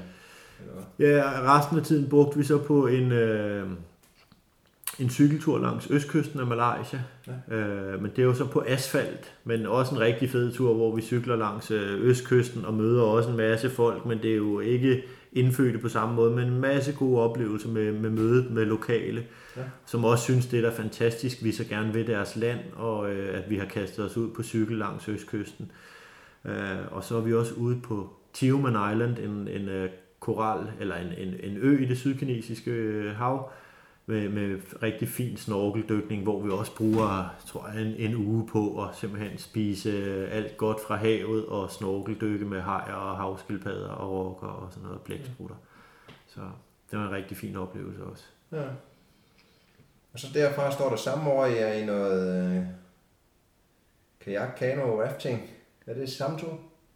Øh, ja, men det var på samme tur, hvor vi, det var, det var så Claus Kærby også, der jo foreslog os Malaysia, og vi, vi sagde, jamen vi, vi, vi, om han foreslog USA, Nepal, Malaysia, så sagde vi, vi tager, øh, vi tager Malaysia. Så siger, siger han, jamen så skal I da også øh, besøge Karl Traholt, som også er med i Dansk Kano Ekspeditionsklub, og som var øh, som også er medlem i Eventyrernes Klub. Ham skal I da besøge, når I nu er dernede. Og så, øh, så skal I da, hvis I er dernede på det tidspunkt der, jamen, så skal I da deltage i Cameron Descent. Øh, Øh, jamen, hvad er det? Jamen, det er sådan et kano- og kajakkapløb, fordi jeg var jo glad for kano allerede på det tidspunkt. Og det får jeg simpelthen overtalt Lasse til. Han har aldrig siddet i en kano før. Jeg siger, vi skal simpelthen vi skal deltage i det her. Så vi deltager øh, i et internationalt kano- og kajakkapløb i, i junglen i Malaysia. Også en rigtig super fin oplevelse. Øh, vi, vi er så med i to kategorien, ikke? Øh, hvor der er en, en kulfiber toer kajak, så er der en, en, også en rimelig skarpsleben plastik toer kajak, så er der sådan en fos toer kajak, og så er der vores kano. Så man kan jo tydeligt allerede på fartøjerne kan man godt se, okay, det der, det bliver nummer 1, 2, 3 og nummer 4. Ikke? Så vi vidste godt, jeg synes, jeg plejer bare at sige, at vi blev nummer 4 ikke? i den kategori der, men vi blev simpelthen bundproppen. Øh, men det var selvfølgelig heller ikke, fordi vi skulle vinde noget som helst. Det var for oplevelsens skyld. Og, og det var lidt sjovt, fordi ved starten, der var rigtig mange enerkajakker. Øh, altså der snakker vi, jeg ved det ikke, 100-200 enerkajakker og, og lige så mange rafts. Det var ligesom det, løbet gik ud på. Så vores to kategori var bare sådan en lille knopskydning der. Men, men i starten, det var et rimelig stort løb, og der hænger simpelthen en helikopter og filmer over øh, junglen der og der kører også langbåde rundt med påhængsmotor, som filmer fra, øh, fra startscenen der, og så bliver det skudt i gang med sådan en startskyder, og så giver vi den ellers gas, og så siger Lasse, hvordan fanden holder man egentlig på sådan en padel her? Ikke? Jamen, bare øh, hold lige deroppe et T-greb, og så tommelfingeren opad, og så lad os komme uden for kameraernes synsvinkel, så tager vi resten af det derfra, ikke? Og så vi tumler bare ned igennem øh, floden, og så, så tager vi resten derfra. Han har simpelthen ikke siddet i en og padlet kano før, så... Ja, ja, en sjov oplevelse. En rigtig, rigtig fed oplevelse også, ja. ja. Og så var det tilbage til universitetet igen? Så var det, så var det tilbage til øh, skolebænken, hvor jeg studerede biolog. Ja. Øhm, og jeg vil sige, sideløb, jeg har altid haft en kæmpe begejstring for øh, naturen. Både sådan friluftssiden, og så også for at forstå øh, altså dyrelivet, og hvad fanden er det egentlig, der foregår, økologien og, og organismerne og alt det her. Altså, biologien var meget øh, naturligt at studere for mig. Og så sideløbende med biologistudiet, der blev jeg også meget begejstret for formidling. Ja. Øh, og det kommer så egentlig meget af efter vores tur i 1992, hvor øh, Claus og jeg drog afsted på Anderson River og kom galt afsted. Da vi kom hjem derfra, der holdt vi en masse foredrag. Mm. Og øh, set tilbage, så var der egentlig ikke så mange gode billeder, men dengang synes jeg, billederne var skide gode, og jeg er selvfølgelig også blevet meget mere erfaren i at holde foredrag og, og skære lidt ned på det osv. Men i hvert fald, vi øh, var ude og holde en masse foredrag, og det synes jeg var rigtig, rigtig fedt, og det blev modtaget rigtig godt. Og jeg fandt lidt ud af, at det var egentlig meget god til det der med at formidle og med at, at, at fortælle historier. Øh, og sidenhen blev jeg også bedre til at tage billeder, så det har jeg øh, gjort sidenhen også. Jeg har taget masser af billeder, og så har jeg skriver også for øh, forskellige blade stadigvæk artikler. Ja. Øh, både fiske og friluft og rejseartikler er det. Øhm, ja, så det var tilbage på universitetet og, studere biologi. Og så i 97, så er der tid til at tage afsted igen? Så begynder I, der at kalde, eller hvad er det, der kalder? Ja, det er faktisk Joachim Groth, der kalder i første omgang. Det er en anden gut fra både øh, Dansk Kano Ekspeditionsklub og, øh, og Eventyrernes Klub, øh, som ringer en dag. Jeg studerer på universitetet. Jeg er glad for friluftliv. Jeg spiller saxofon. Øh, sådan tenorsaxofon, så jeg har fået købt mig en rigtig, rigtig dyr tenorsaxofon, der står og, og, og og skinner i lejligheden der, men så ringer telefonen en dag, og så er det Joachim, og, øh, og han siger, skal du, ikke, skal du med til Canada? Øh, og så fortæller han lidt, altså min første indskydelse, det var, ja, det skal jeg, helt sikkert. Hvad, hvad går det ud på det her? Og så fortæller han så, hvad det går ud på. Vi skal krydse Nordvest-territoriet. Det er en, øh, en tur, som, som Joachim og, og Karl som jeg, og Claus, som jeg har omtalt tidligere her, har fået ideen, jeg tror faktisk, det er Karls idé oprindeligt, men, men at krydse Nordvest-territoriet i kano. Og, og der er så også Anders og Henrik fra Dansk Kano Ekspeditionsklub er også med på turen. Øh, og de mangler øh, en, en sjette til at tage med på turen. Og så øh, ringer de til mig, og jeg har faktisk hørt lidt om turen allerede, i, da jeg var nede hos Karl. Der havde han kortet fremme, og ja, jeg har en idé om det her og det her, og det synes jeg jo allerede dengang, jeg tænkte, det lyder spændende. Og da Joachim så ringer og siger, skal du med, du, du kan godt lige få en dag eller to til at, at, tænke dig om. Så, jamen så, jeg tænker lige over det, hvordan med, med, med penge og tid og så videre. Og så ligger jeg på, og, øh, og så kigger jeg rundt i lejligheden, og så falder mit blik på saxofonen, og øh, kort efter, så vil jeg sige, så har jeg sagt ja til Joachim, og så er saxofonen solgt, så er turen finansieret, og tiden den har jeg jo fint, når man er studerende, så har man en rimelig lang sommerferie, så, så jeg fandt tid til turen også. Og det var så en, øh, det var en tur på to måneder, hvor vi krydser Nordvest-territoriet, det vil sige, Nordvest-territoriet dengang, nu hedder det så øh, Nunavut mod nordøst, og nordvest øh, hedder det så mod, mod vest over mod Yukon. Men dengang, der var Nordvest-territoriet, nej, det var faktisk splittet op. Øh, så vi krydsede faktisk mest igennem Nunavut-territoriet. Ja. Men det er det, Nordvest-territoriet og Nunavut-territoriet, det er det, der ligger nord for alle de sydlige stater, Alberta, British Columbia osv. Der ligger det her område på højde med Alaska og Yukon, så er det alt resten af landet, det, der strækker sig op mod nordøst, helt op øh, til det nordlige Grønland. Det hedder øh, Nunavut og Nordvest-territoriet. Ja. Og det er så fastlandet af det territorium Nordvest og Nunavut, som vi skal krydse igennem med kano.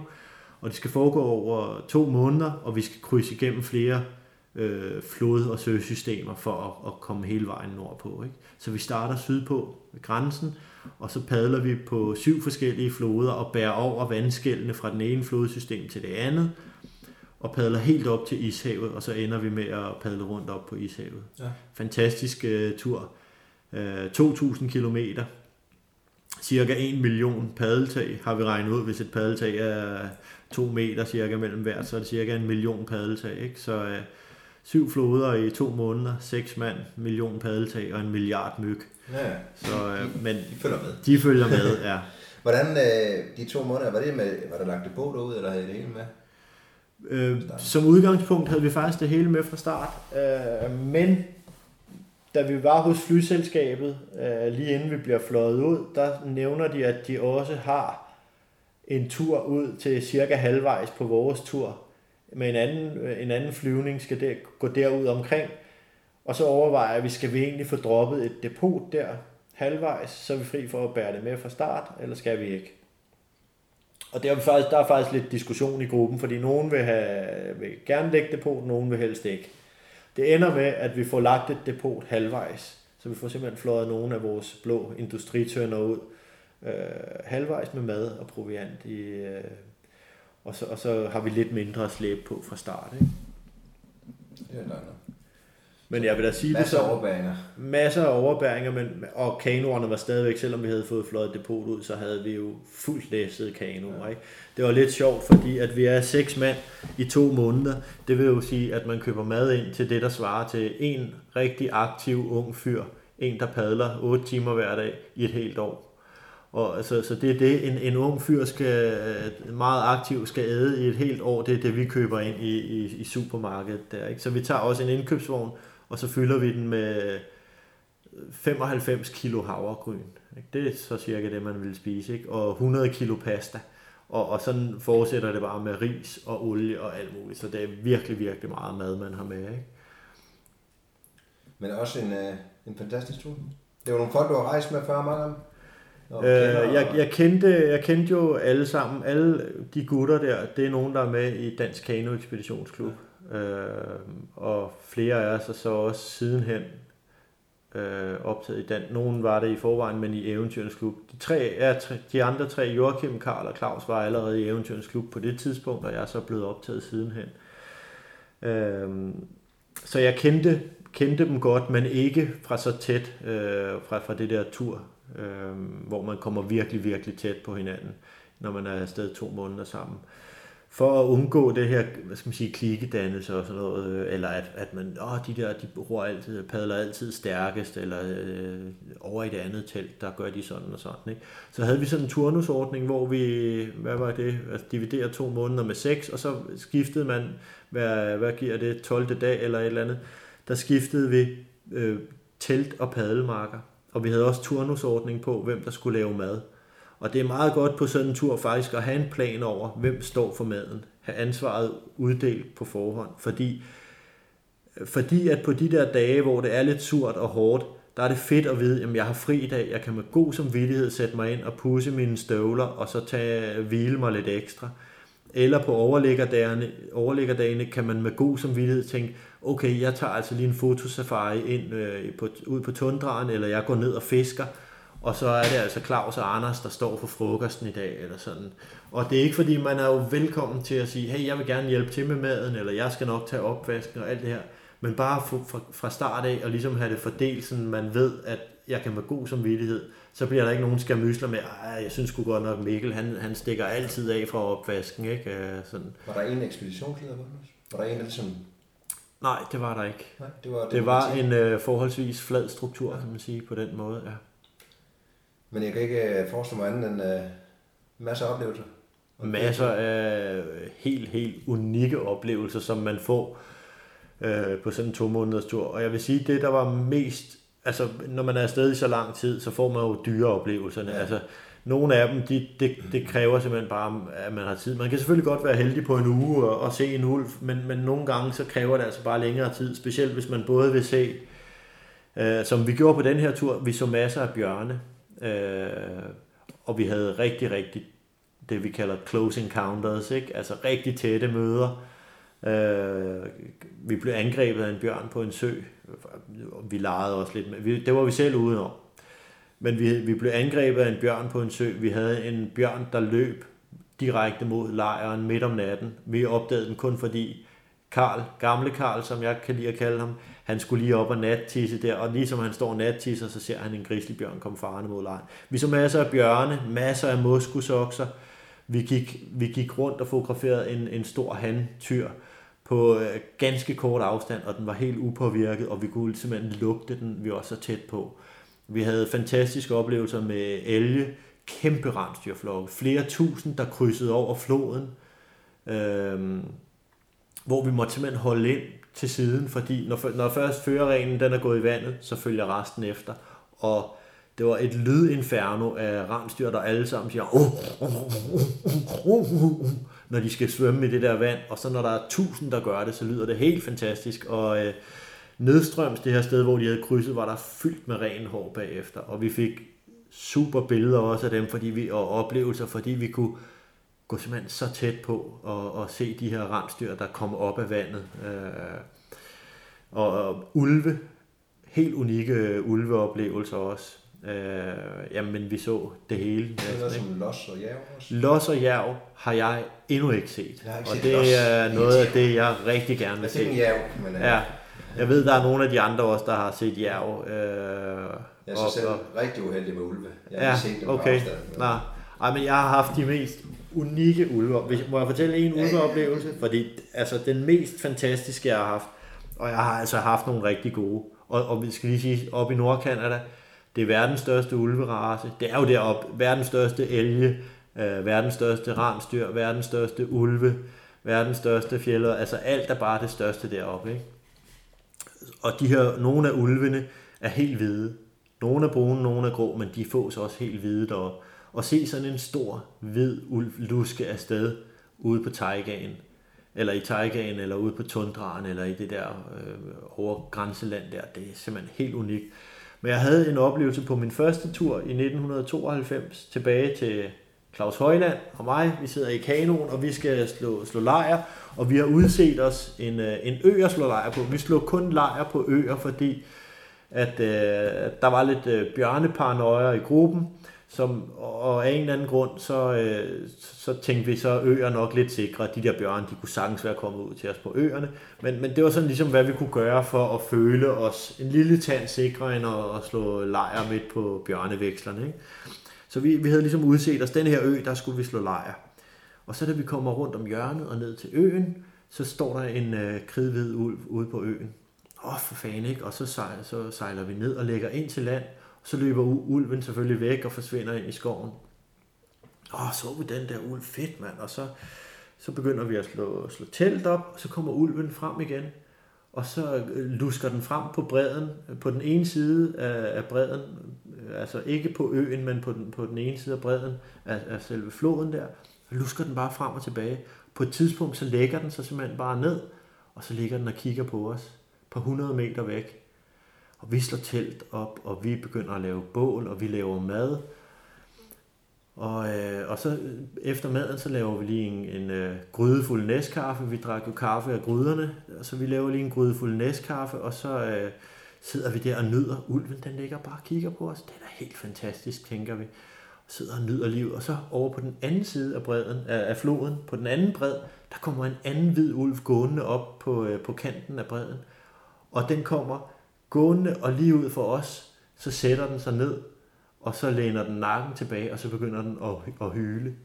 Og ulvehyl, vi havde hørt ulve, ulvene hyle før, men det er simpelthen noget, det giver, og det gør det også lige nu, det giver mig simpelthen gåsehud, og det løber koldt ned ad ryggen. Det er simpelthen en fantastisk lyd. Islummen og ulvehyl, det er noget af det bedste, men ulvehylet har jo også det der med, det er fantastisk dyr. Tænk, at det er lige i nærheden. Tænk, at vi kan høre ulvehylet. Og når man så sidder og drikker kaffe ved bålet, og der er to ulve, der kigger på en, og den ene, den sidder og hyler. Og helt fantastisk. Vi, var, vi gik simpelthen bagover.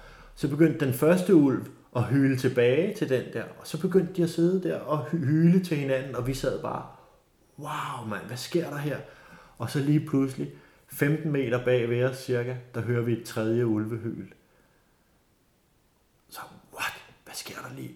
Der er en ulv lige bag ved os. Og der, der, det er fordi floden har jo gravet sådan en, en flodsænkning, og vi har slået lejr op nede på, på flodbrinken. Det kan man godt i Kanada. skal man ikke gøre i junglen, men det kan man godt i Kanada. Fantastiske lejrpladser alle de der steder. Floden stiger ikke lige så pludseligt der. Det er ved, ved forårsflommen, og alt smeltevandet, det, det lige skyller øh, flodsænkningen der ren, så er der rigtig fine lejrpladser nede ved floden. Men lige bagved, der er sådan en lille li eller skråning, og, og lige bagved der, der hører vi simpelthen en tredje ulvehyl. Så sniger jeg mig op for at se, hvad det er. Øh, og så lige bag ved teltet, altså vi har simpelthen slået teltet op lige ved siden af ulvegraven. Det er 15 meter fra teltet, eller 20 meter fra teltet. Der er en kæmpe grusbunke med ulvehuller i. Og dernede i, der ligger så det jeg forestiller mig, ulveungen eller ulveungerne, de ligger og hyler dernede. Og jeg kan gå op på den her grushøj, og kan lægge øret mod højen, og så kan jeg høre, at de simpelthen ligger dernede, også når de ikke hyler og, og, og, og trækker vejret og grønter og så videre, og så hyler de en gang imellem. Ikke? Og jeg simpelthen bare ligger to meter over dem og hører de her ulvehyl. Ikke? Det er helt fantastisk. Helt, helt, helt unik oplevelse to voksne ulve, ulve, der sidder og hyler, og så den, det tredje, i hvert fald, jeg ved, jeg ved kun, jeg kunne høre den ene ulv i hvert fald nede i graven, der hylede og knurrede og gjorde ved, og selvfølgelig kaldte på sin mor og far. Mm. Så, så går jeg tilbage til Claus og så siger, ulvegraven er fandme lige bagved her og sådan noget. Og så beslutter vi så for at flytte teltet. Så vi slår lejren ned. Vi tænker, det er jo selvfølgelig derfor, at de der to andre ulve, de hyler. Det er ikke for at lave show for os, det er fordi, vi har slået teltet op lige ved ulvegraven. Og så flytter vi så teltet nedstrøms øh, nogle 100 meter, slår lejr op dernede, så ulvene kan komme tilbage til deres unge, og, øh, og så hører og ser vi heller ikke mere til dem, så, øh, så de selvfølgelig, de, de kom ned til deres unge igen, men en, en helt unik oplevelse at få. Så det var altså en, en fed, fed ulveoplevelse. Fantastisk. Så kom du hjem med endnu mere Canada i blodet til 97. Yes, masser af Canada i blodet, og, og rigtig, rigtig erfaren, fordi jeg var selvfølgelig blevet meget mere erfaren på min første tur. Øh, der var det learning by doing. Øh, på den her anden tur, der var jeg ude og, og padle i kano med nogen, der virkelig var erfarne i det. Øh, rigtig, rigtig dygtige fosspadlere, de andre. Øh, så det lærte jeg rigtig meget af, af dem på den tur. Og i øvrigt rigtig, rigtig dygtige til at være øh, og gebærde sig i vildmarken. Så, så jeg vil sige, jeg lærte virkelig fra de andre på den tur. Jeg var, jeg var klart den yngste i gruppen. Øh, og, og, og også den mest uerfarne. så, så ja, der skovlede jeg virkelig til mig af, af viden. Så jeg kom hjem som øh, det, jeg vil næsten kalde en, en uddannet vildmarksbørste efter den tur der. Der havde jeg i hvert fald lært rigtig meget. Og, og efter det, når jeg var på, tog på Fos-tur der, der lærte jeg virkelig meget. Det rykkede mm, rigtig meget på min øh, padleteknik også. Det er også klart to måneder, hvor man padler hver dag og kommer igennem fos på fos på fos og masser af fladt vand. Det giver simpelthen noget, øh, noget Var det- erfaring. Var det, altså, var det rimeligt for sig, eller var der nogle, nogle meget voldsomme nogen på den tur? Der var alt fra små krusninger på vandet til, til store dræber for sig. Til man bærer udenom. Til bære udenom for sig, ja, helt sikkert. Øhm, nogle af dem har jo en navn. Granite Falls øh, er et fantastisk canyon, hvor at det vælter ud over fos på fos på fos på fos. Ikke? Og der valgte vi selvfølgelig at bære udenom, og der var flere, hvor vi vælger at bære udenom. Også fordi man skal huske på, øh, det var også noget, jeg lærte på den tur, og ikke mindst på min forrige tur, at der er forskel på at padle fos i Sverige, hvor der står andre parat med kasteliner og hjælpen er nær ved, og så på at padle fos i Nordkanada, hvor at hjælpen er meget, meget langt væk. Plus man har alt, hvad man skal bruge. ned Man har alt, hvad man skal bruge. Det var jo det, jeg lærte på den første tur der, ikke? Øh, så derfor så er det også, når man vurderer sådan en fos, så kan man godt tænke, jeg tror sgu godt, vi kunne padle den der, men vi bærer udenom, fordi risikoen ved at kendre i den er for stor. Ja. Det er jo også en vurdering af, hvad sker der, hvis vi kender her? Skyller vi bare ud i noget fladt bagvand, så er det fint, så samler vi, så bliver vi våde, og så bare vi suger det hele ordentligt fast, så er det fint. Men hvis, hvis den fortsætter fos på fos på fos, og der er mulighed for, at kanoen kommer til skade, eller mænd med personens skade, ikke? så er det klart, så vurderer man det helt anderledes. Ja. Så, så kom du hjem igen. Så kom jeg hjem igen, studerede videre. Ja. Så var der noget øh, kanoguide. Så, jamen, så de næste år, det, det var jo ret fin tid som universitetsstuderende med, med masser af sommerferie og ingen penge. Ja. Øh, der bliver det jo ofte anderledes sidenhen, det er det i hvert fald i mit liv nu. Der er der lidt flere penge til rådighed, men, men ikke så lange sommerferier. Øh, men dengang var der ingen penge, men masser af sommerferie. Og der fik jeg så mulighed for at være guide for Seven Seas. At Seven Seas Adventure Group hed det så sidenhen, da det blev opkøbt af, hvad var det, Albatros Travel. Øh, og det gav mig mulighed for at komme afsted i sommerferierne som guide, og på den måde faktisk tjene lidt penge i stedet for, og så bruge noget af min sommerferie på, på at være guide deroppe. Det var alle, de, alle sammen kanerne.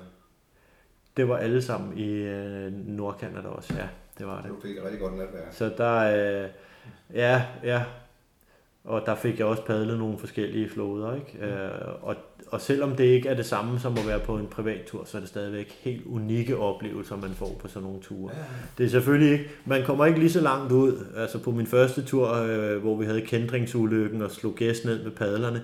På den næste tur havde vi også nogle ekstrem hårde overbæringer. Vi havde vores længste var på 9 km, og du ved det selv fra kano, at det ikke bare er noget med at gå 9 km. Du går 9 km med kanoen, så går du 9 km tilbage, så henter du en blå tønde, ikke? der er fire i en kano.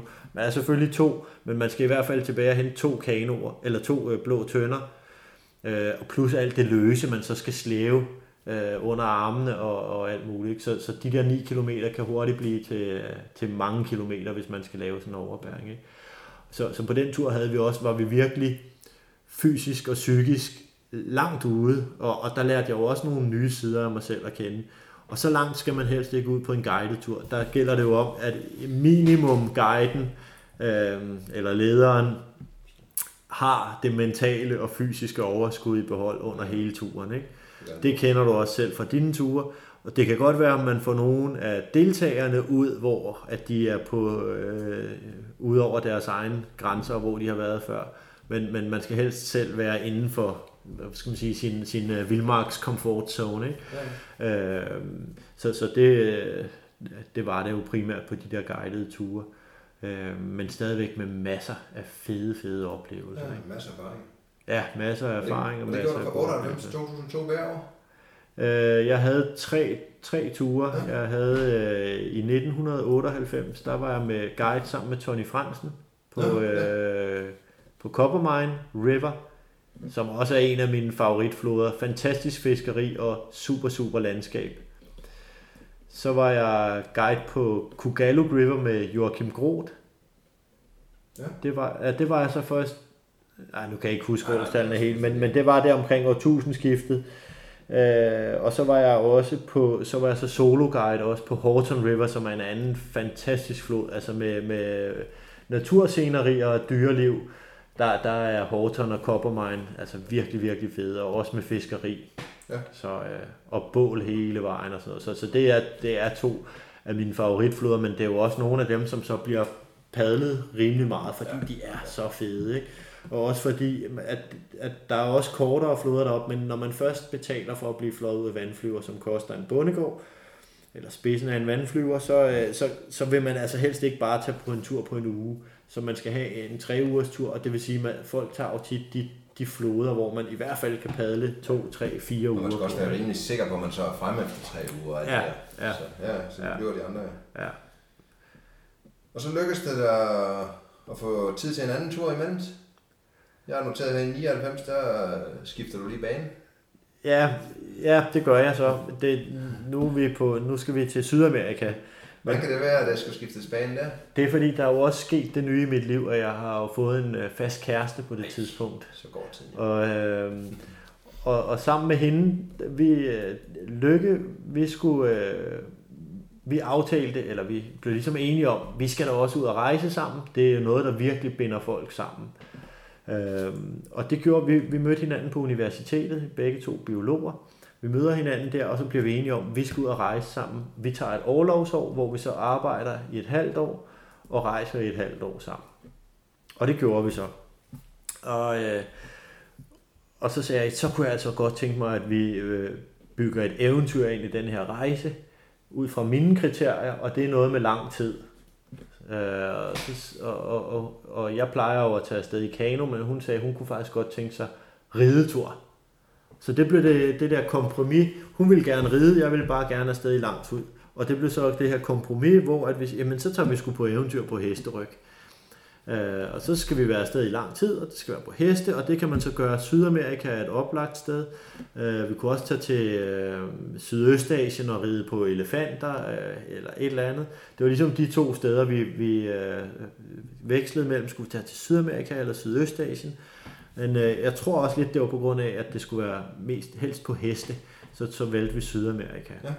Og der rejste vi så i et halvt år, hvor vi var på rigtig meget. Vi var både på... Uh, vandreture i de høje bjerge. Vi besteg også en 6.000 meter faktisk. Øh, vi var på et vandretur nede i junglen, nede i Claus Kærby. Han arbejdede først i Seven Seas, men sidenhen arbejdede han jo med jungleindianerne i, i Peru, og gør det stadigvæk så i Mellemøsten, eller i øh, Mellemamerika. Men dengang arbejdede han med dem i Peru, og dem var vi også ude på vandretur med. Og så havde vi så sat af, at vi skulle på krydse Andesbjergene, eller i hvert fald en del af Andesbjergene i, øh, på hest. Og gerne med lama eller et eller andet som trækdyr.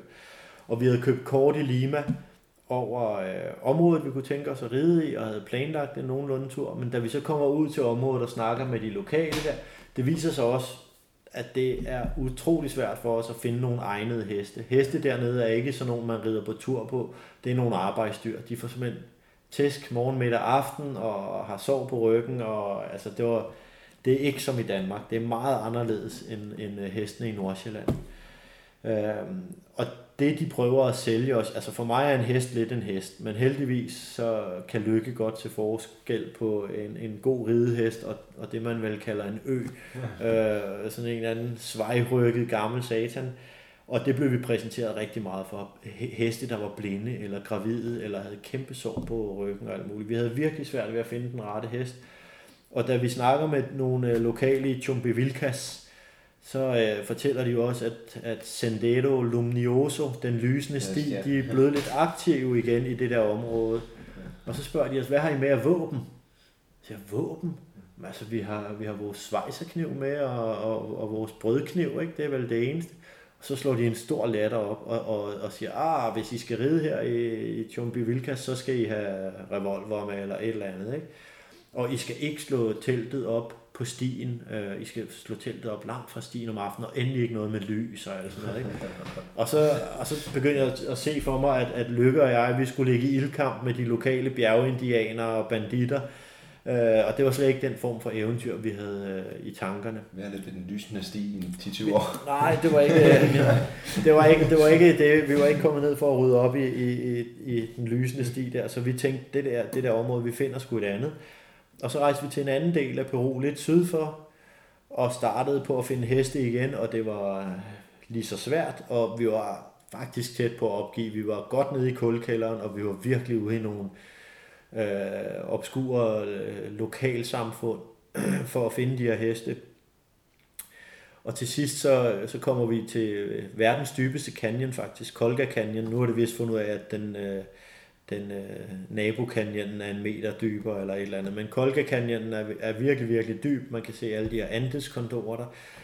og der kommer vi til en, en by der ved Kolga Canyon, hvor at vi igen prøver at finde heste, og, og vi er så heldige at finde en, der har et radioprogram dernede.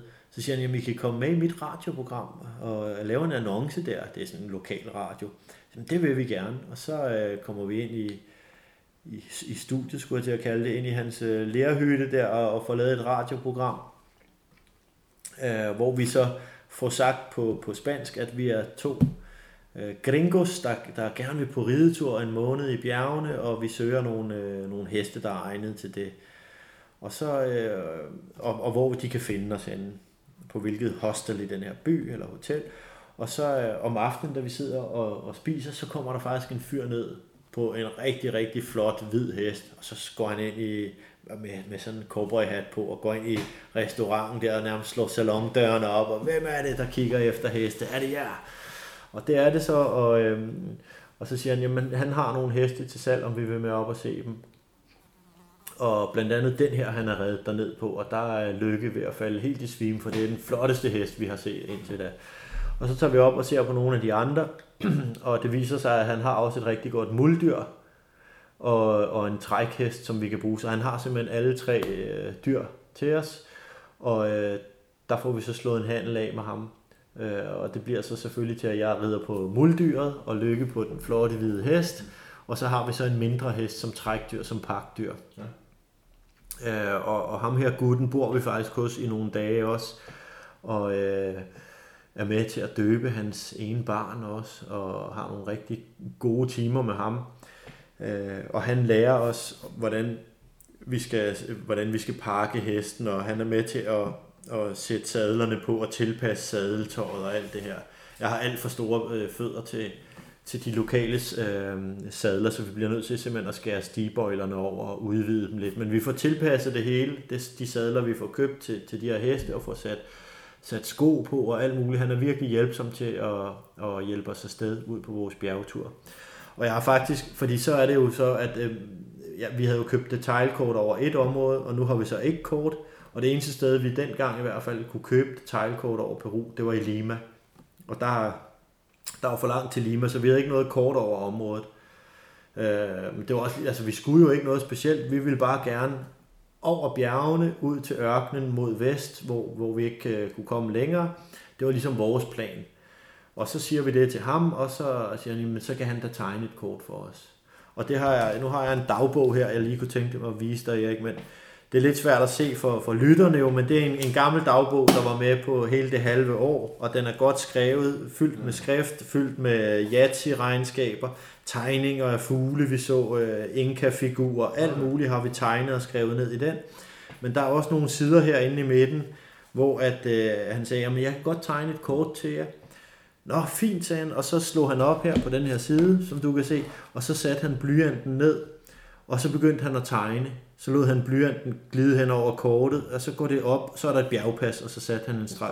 Så, så, så er der et nyt bjergpas, og så kan du se her, der går det bare en masse zigzag. Det går op og ned, sagde ja. han, mens han lod blyanten glide hen over papiret. Og så tegnede han her, kan du se, har han afbildet nogle bjerge, sådan helt tegneserieagtigt, ikke? Så er der et andet bjerg på den anden led her. Det, det man kan sige med de her kort, der er ikke noget øh, syd, øst, nord eller vest. Nej, der er, der er ikke nogen øh, højdekurver. Kendetegn. Øh, der er ikke højre og venstre. Det eneste det er, at der er en blyantstreg, der zigzagger op og ned, alt efter hvordan han lige kunne huske, om det gik op og ned ude i Andesbjergene. Ikke? Og så kan han huske nogle af de store bjerge, som han har tegnet ind. Og hvis vi bladrer her, ja, han tegnet, så går, altså, du kan se, det er jo også svært at se, om det går op eller ned. Ikke?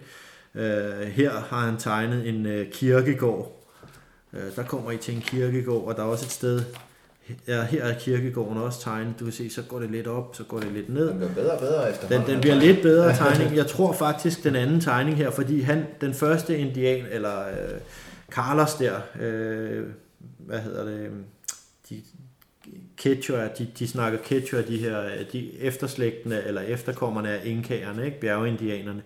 Han tegner de første kort, indtil vi kommer frem til den første landsby, så siger han, der, derude, der har jeg en ven, han hedder, han hedder noget med Flores, Fermin Flores, tror jeg. Så spørger jeg efter ham, og han kan tegne kortet videre til den næste by. Ikke? Og jeg tror så, det er en anden, der har tegnet det næste kort her, og det er lige sådan, du kan se her. Ja. Jeg starter med, ah, så går det meget opad, og så, så tegner han også pludselig tre træer. Altså, så støder I nok på tre træer, og vi kigger på de der kort. Skal vi virkelig ride ud over Andesbjergene efter det her? Men det gør vi, og det lykkedes os også. En dag så står vi ved de tre træer ude midt i bjergene, og så tænker vi, nu er vi sgu da der på kortet, ikke? Øh, og så rider vi videre, og så når vi kommer til landsbyer, så spørger vi selvfølgelig om vej. Øh, det er sådan, at derude mellem de her landsbyer, mellem mange af dem er der, er der ikke veje til, der rider man simpelthen til eller fra. Og det gør også, at der er nogle, nogle veksler, nogle ridestier, som bliver brugt som altså den korteste vej mellem ja. to landsbyer.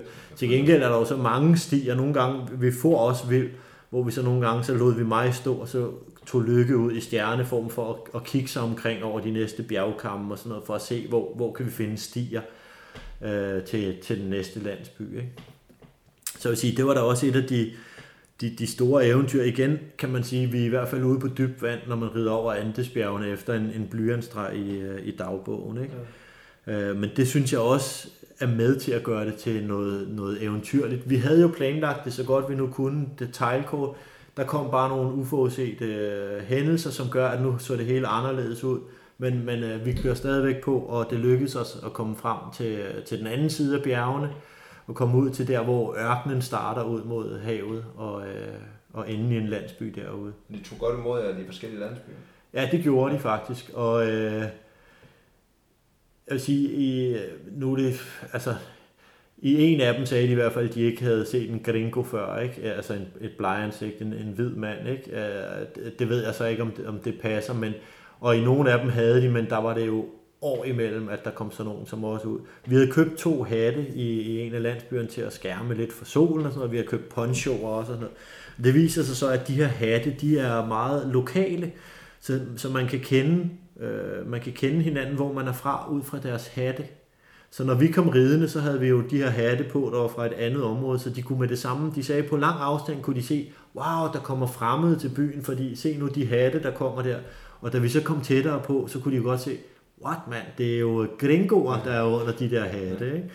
Men vi blev taget, vi blev taget, øh, generelt blev vi taget rigtig, rigtig godt imod i de forskellige landsbyer, og i en landsby blev vi inviteret, der boede vi simpelthen på Rødhuset, og, og var med til en ceremoni næste dag, noget med, at jeg gik, fandt aldrig ud af, hvad det gik ud på, men borgmesteren holdt tale på torvet, og så sad der to rækker af, af meget vigtige personer bag ved borgmesteren, og der sad vi så også, så holdt han tale og hejste et flag, men der stod stort set ikke nogen og lyttede til det.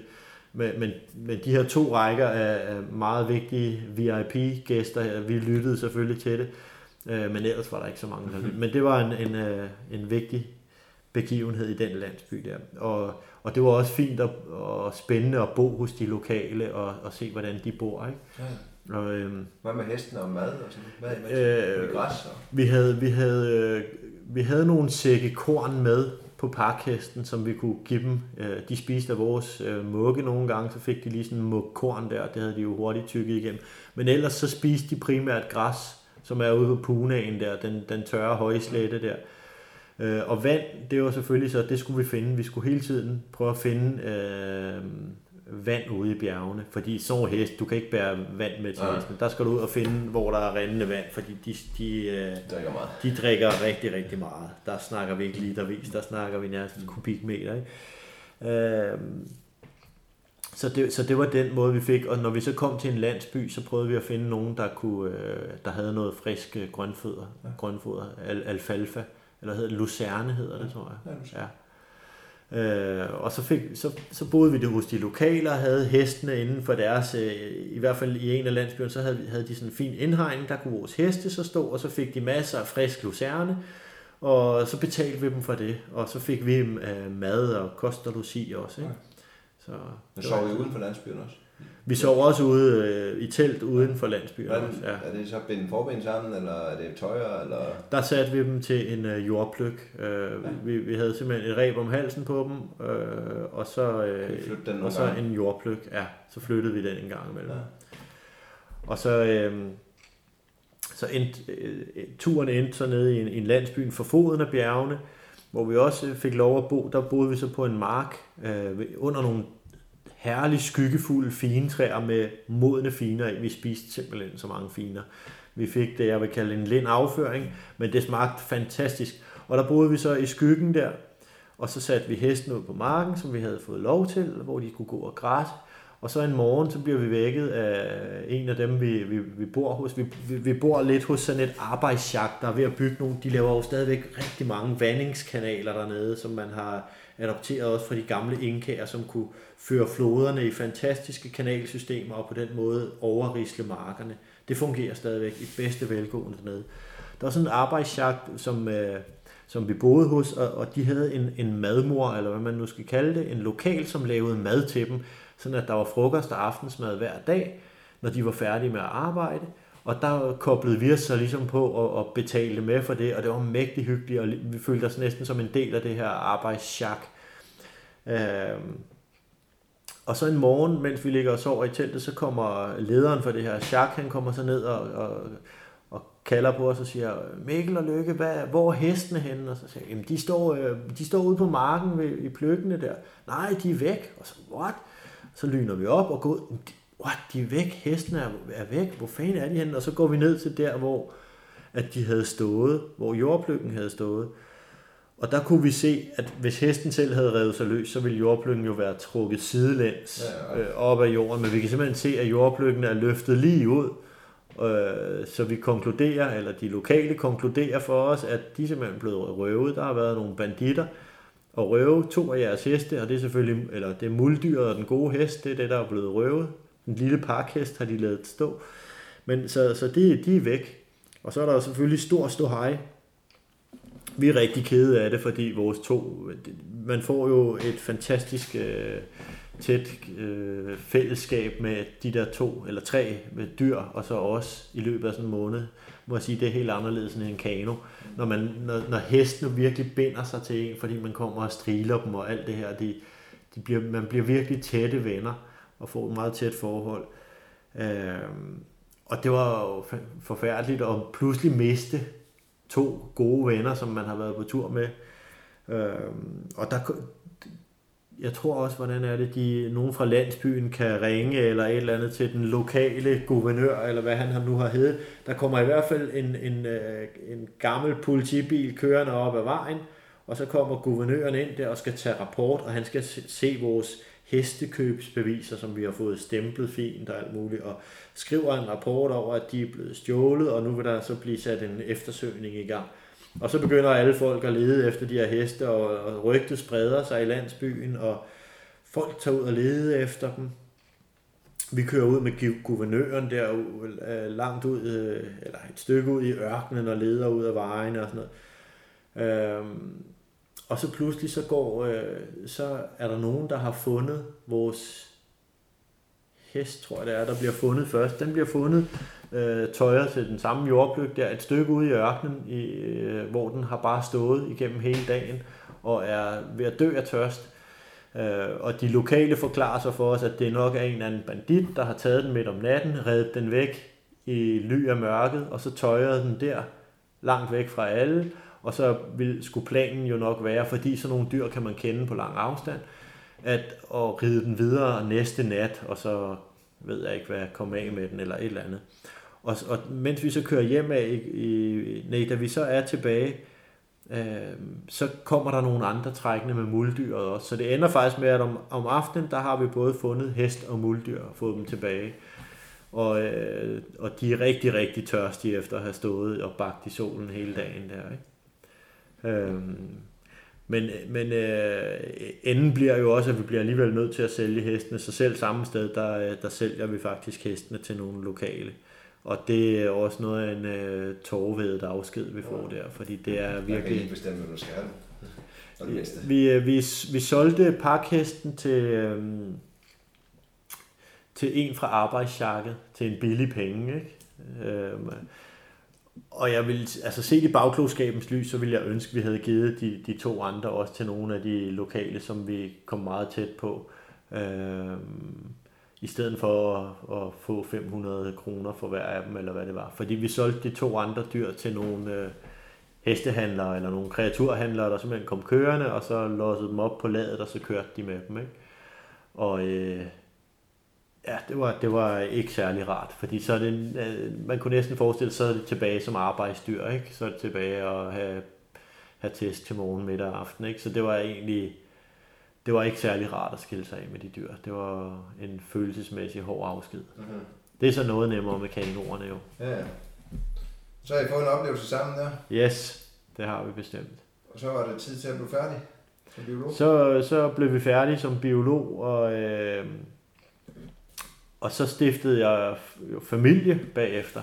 Det var et nyt stort skillepunkt i mit liv, vil jeg Ja, sige.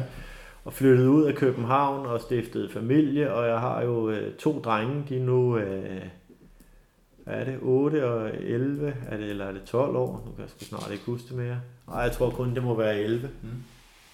Fra 2004, ja, det må være 11 år. 8 og 11, store drenge efterhånden. Øh, og nu er jeg så også øh, både blevet øh, øh, gift og skilt i mellemtiden.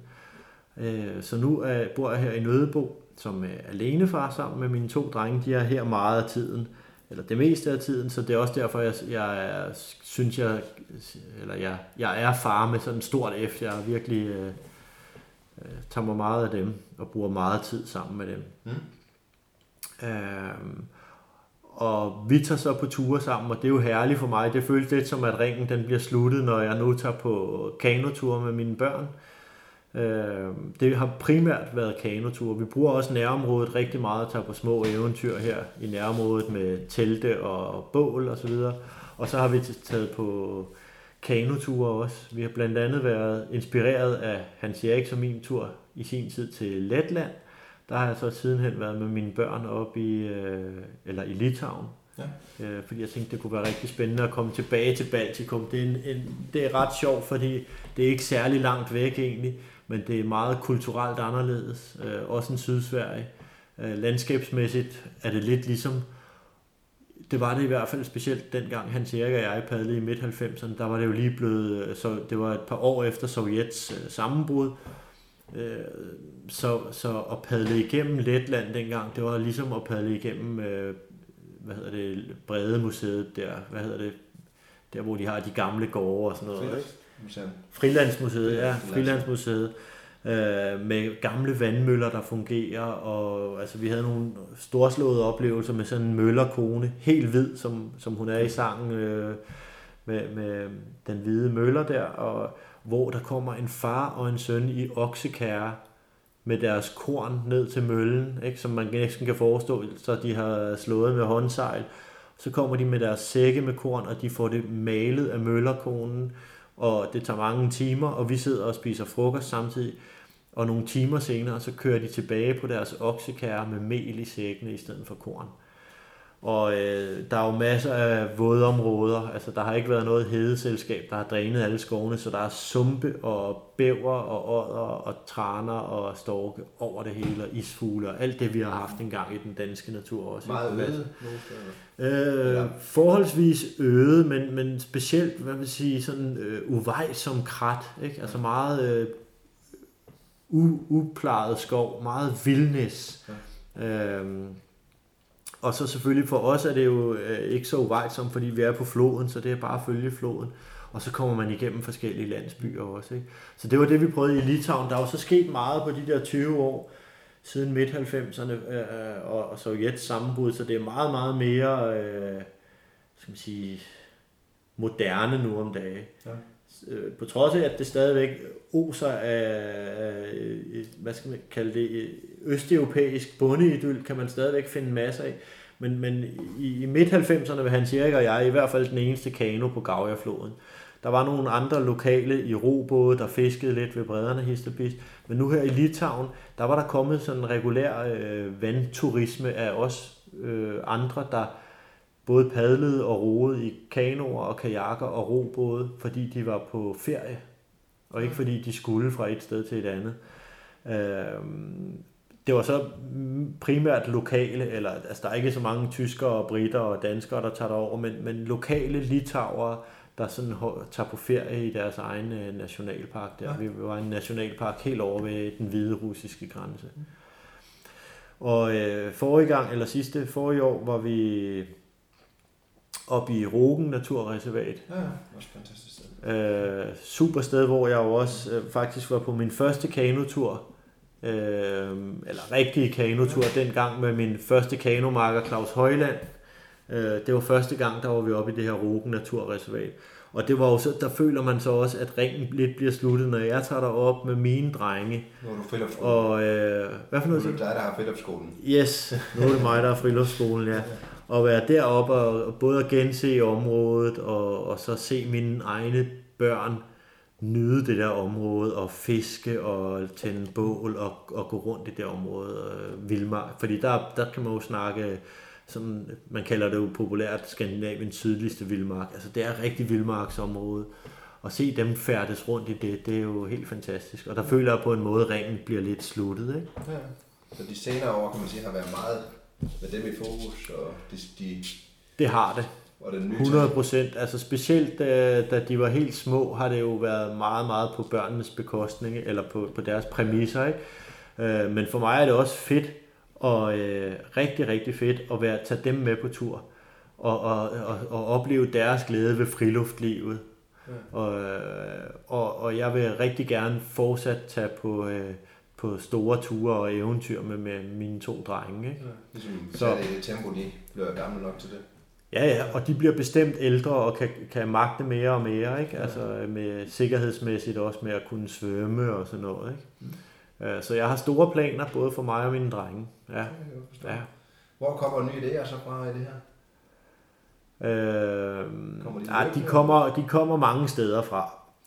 Øh, som, som jeg sagde før, så jeg vil sige, mit, mit hjerte ligger rigtig, rigtig meget i de nordlige vildmarker.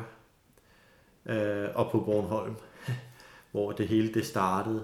Jeg har et verdenskort hængende inde på ved, ved min seng, og der sidder vi nogle gange og kigger på mig og drengene, og, og så drømmer også lidt, åh, tænk, der har jeg aldrig været, og der har jeg været, og der er der fedt, og der er bjerge, og der er jungle og sådan noget.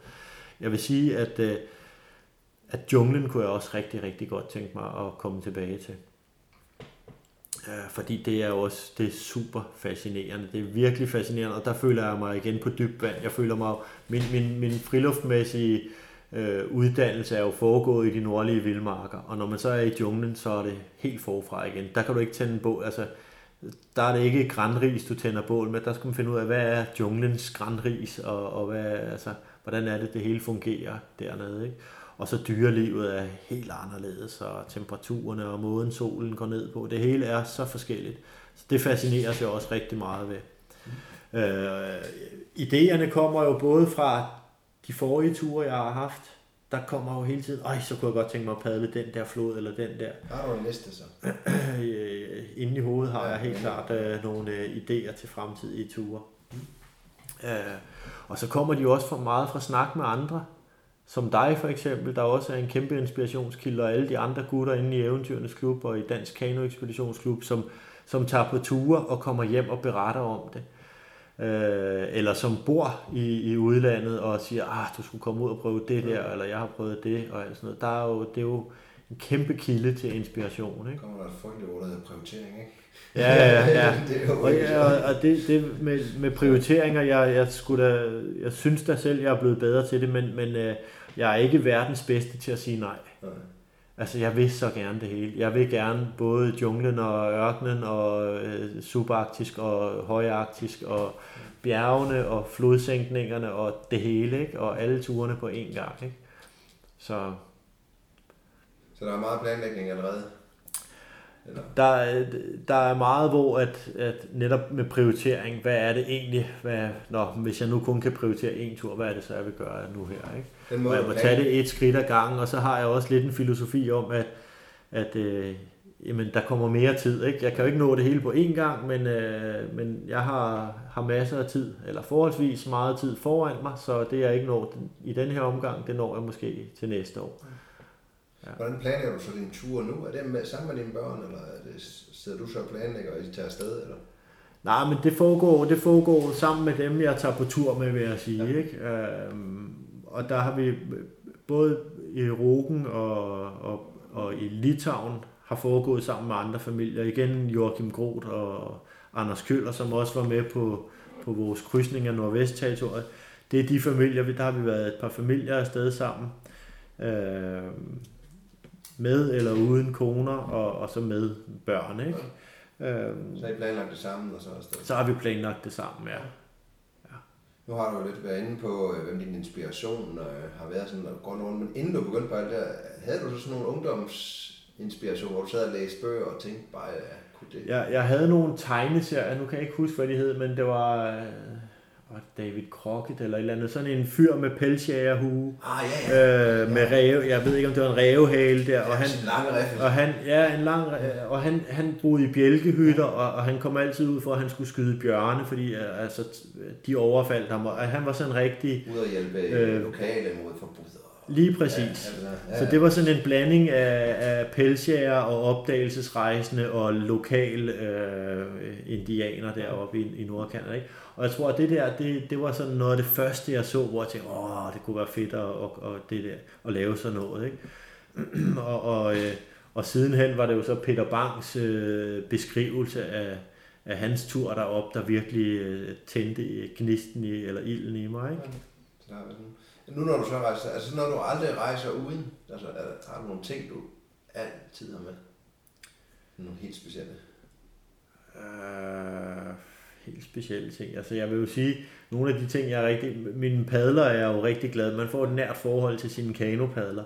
Det er så selvfølgelig, dem har jeg kun med på øh, kanoturene. Ikke? Kamerarejser er sjældent uden. Jeg kan rigtig godt lide at tage billeder. Så selv på nogle af de hårde vandreture har jeg prioriteret at have forholdsvis mange kilo kameraudstyr ja. med. Ikke? Så er der sådan noget som gaffe og svejserkniven. Det er jo, altså det kan man komme rigtig, rigtig langt med.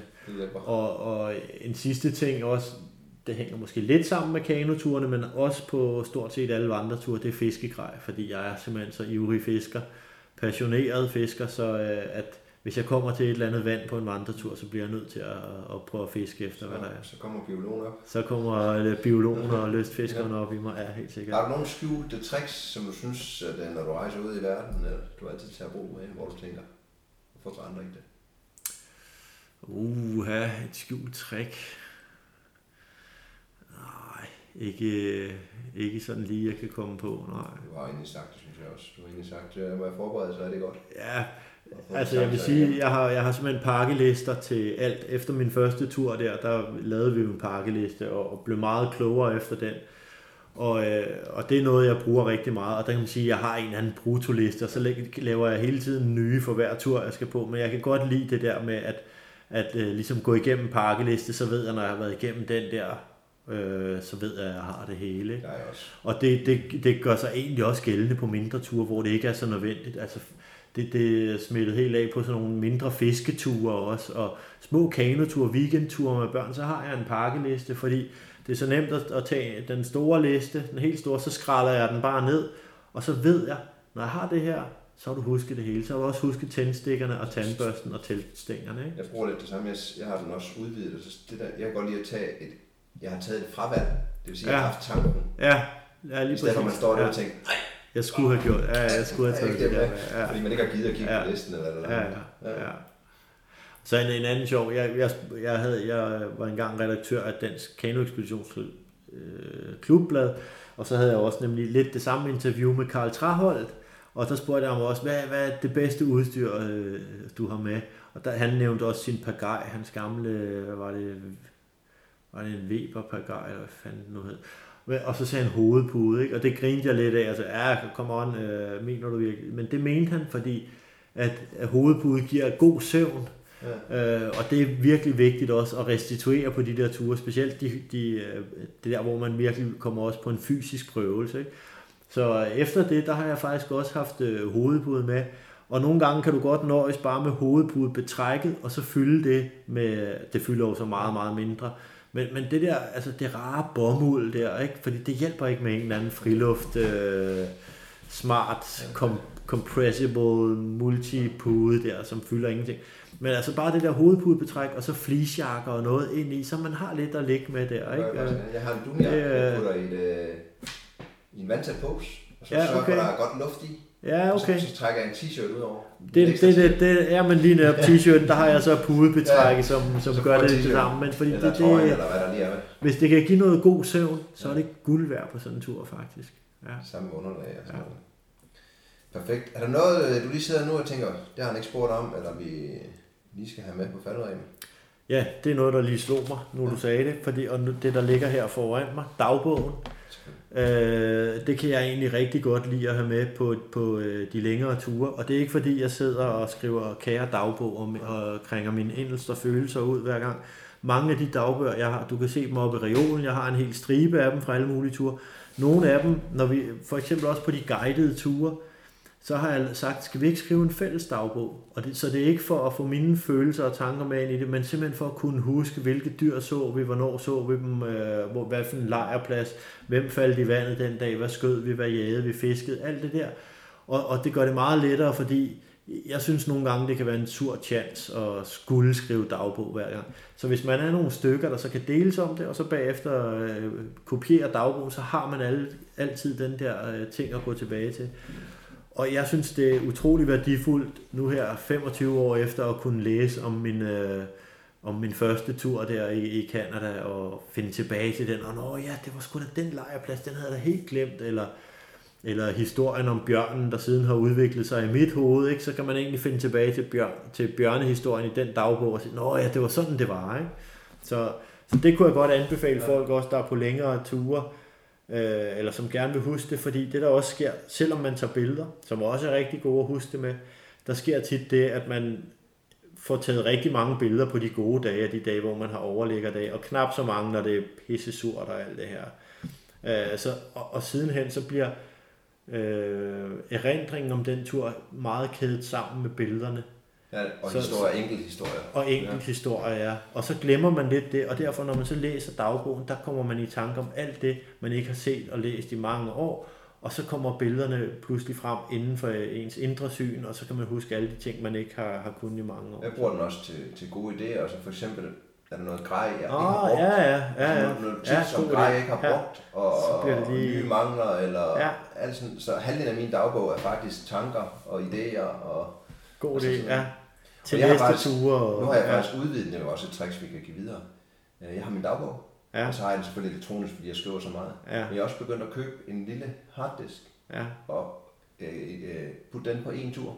Ja. Og så putter jeg backup af alt, hvad der hedder pakkelister, skrivelser, billeder ah, over på den, ja. og lægger den ind sammen med dagbogen. Ja. Så, så, så jeg har det backup på skyen, jeg har det backup på min computer, og jeg har det. Ja. Så en, en harddisk, der hører til den enkelte tur. Ja. Fordi jeg har mistet så meget igennem. Ja. Jamen, og jeg vil sige, har man først prøvet en gang at miste så. billeder eller øh, historier fra en tur, ikke? Jeg har heldigvis fået genskabt ja. det meste. Ja, okay. Ja. Super. Yes. Er der en gæst, du vil foreslå, at jeg skulle tage en snak med? Jamen, der er jo mange jo, ikke? Altså, det er jo, øh, der er jo uhyggeligt øh, mange gode at vælge imellem. Øh, en, der lige kommer op i mine tanker, er en, jeg allerede har nævnt, Tony Fransen, mm. som jeg var guide med i 1998. Øh, ham ser jeg ikke nok, og øh, så det kunne da være meget interessant også at høre, hvad han har på hjertet. Han er en fantastisk øh, guttermand og en rigtig eventyr, og kanofar også, så, så vi har egentlig meget til fælles. Øh, men, også en mand, der uddanner mange nye. Yes, ja. Og han har, han har virkelig også øh, gang i, i mange eventyr. Også forskellige artede eventyr. Det er ikke kun kanotur, han har gjort det i. Så er han en, øh, en død god fortæller, så det tror jeg, du vil uh, kunne få glæde af. Perfekt. Jamen, uh, tusind tak for, at du vil være med, Mik. Det var Jamen, et øh, fantastisk eventyr. Det var da en øh, fornøjelse. Og til alle jer, der var der med derude, tusind tak for, at I lyttede med en gang til. Og øh, for at gøre det hele sjovere, så skriv endelig nogle kommentarer om, hvad I synes om det, og hvad vej det går, og gå ind i iTunes og give nogle stjerner og nogle anmeldelser, så gør det, at mange flere finder det her podcast og kan blive klogere og finde eventyr og selv komme afsted. Det er jo det vigtigste. Så tak for den her gang. Hej.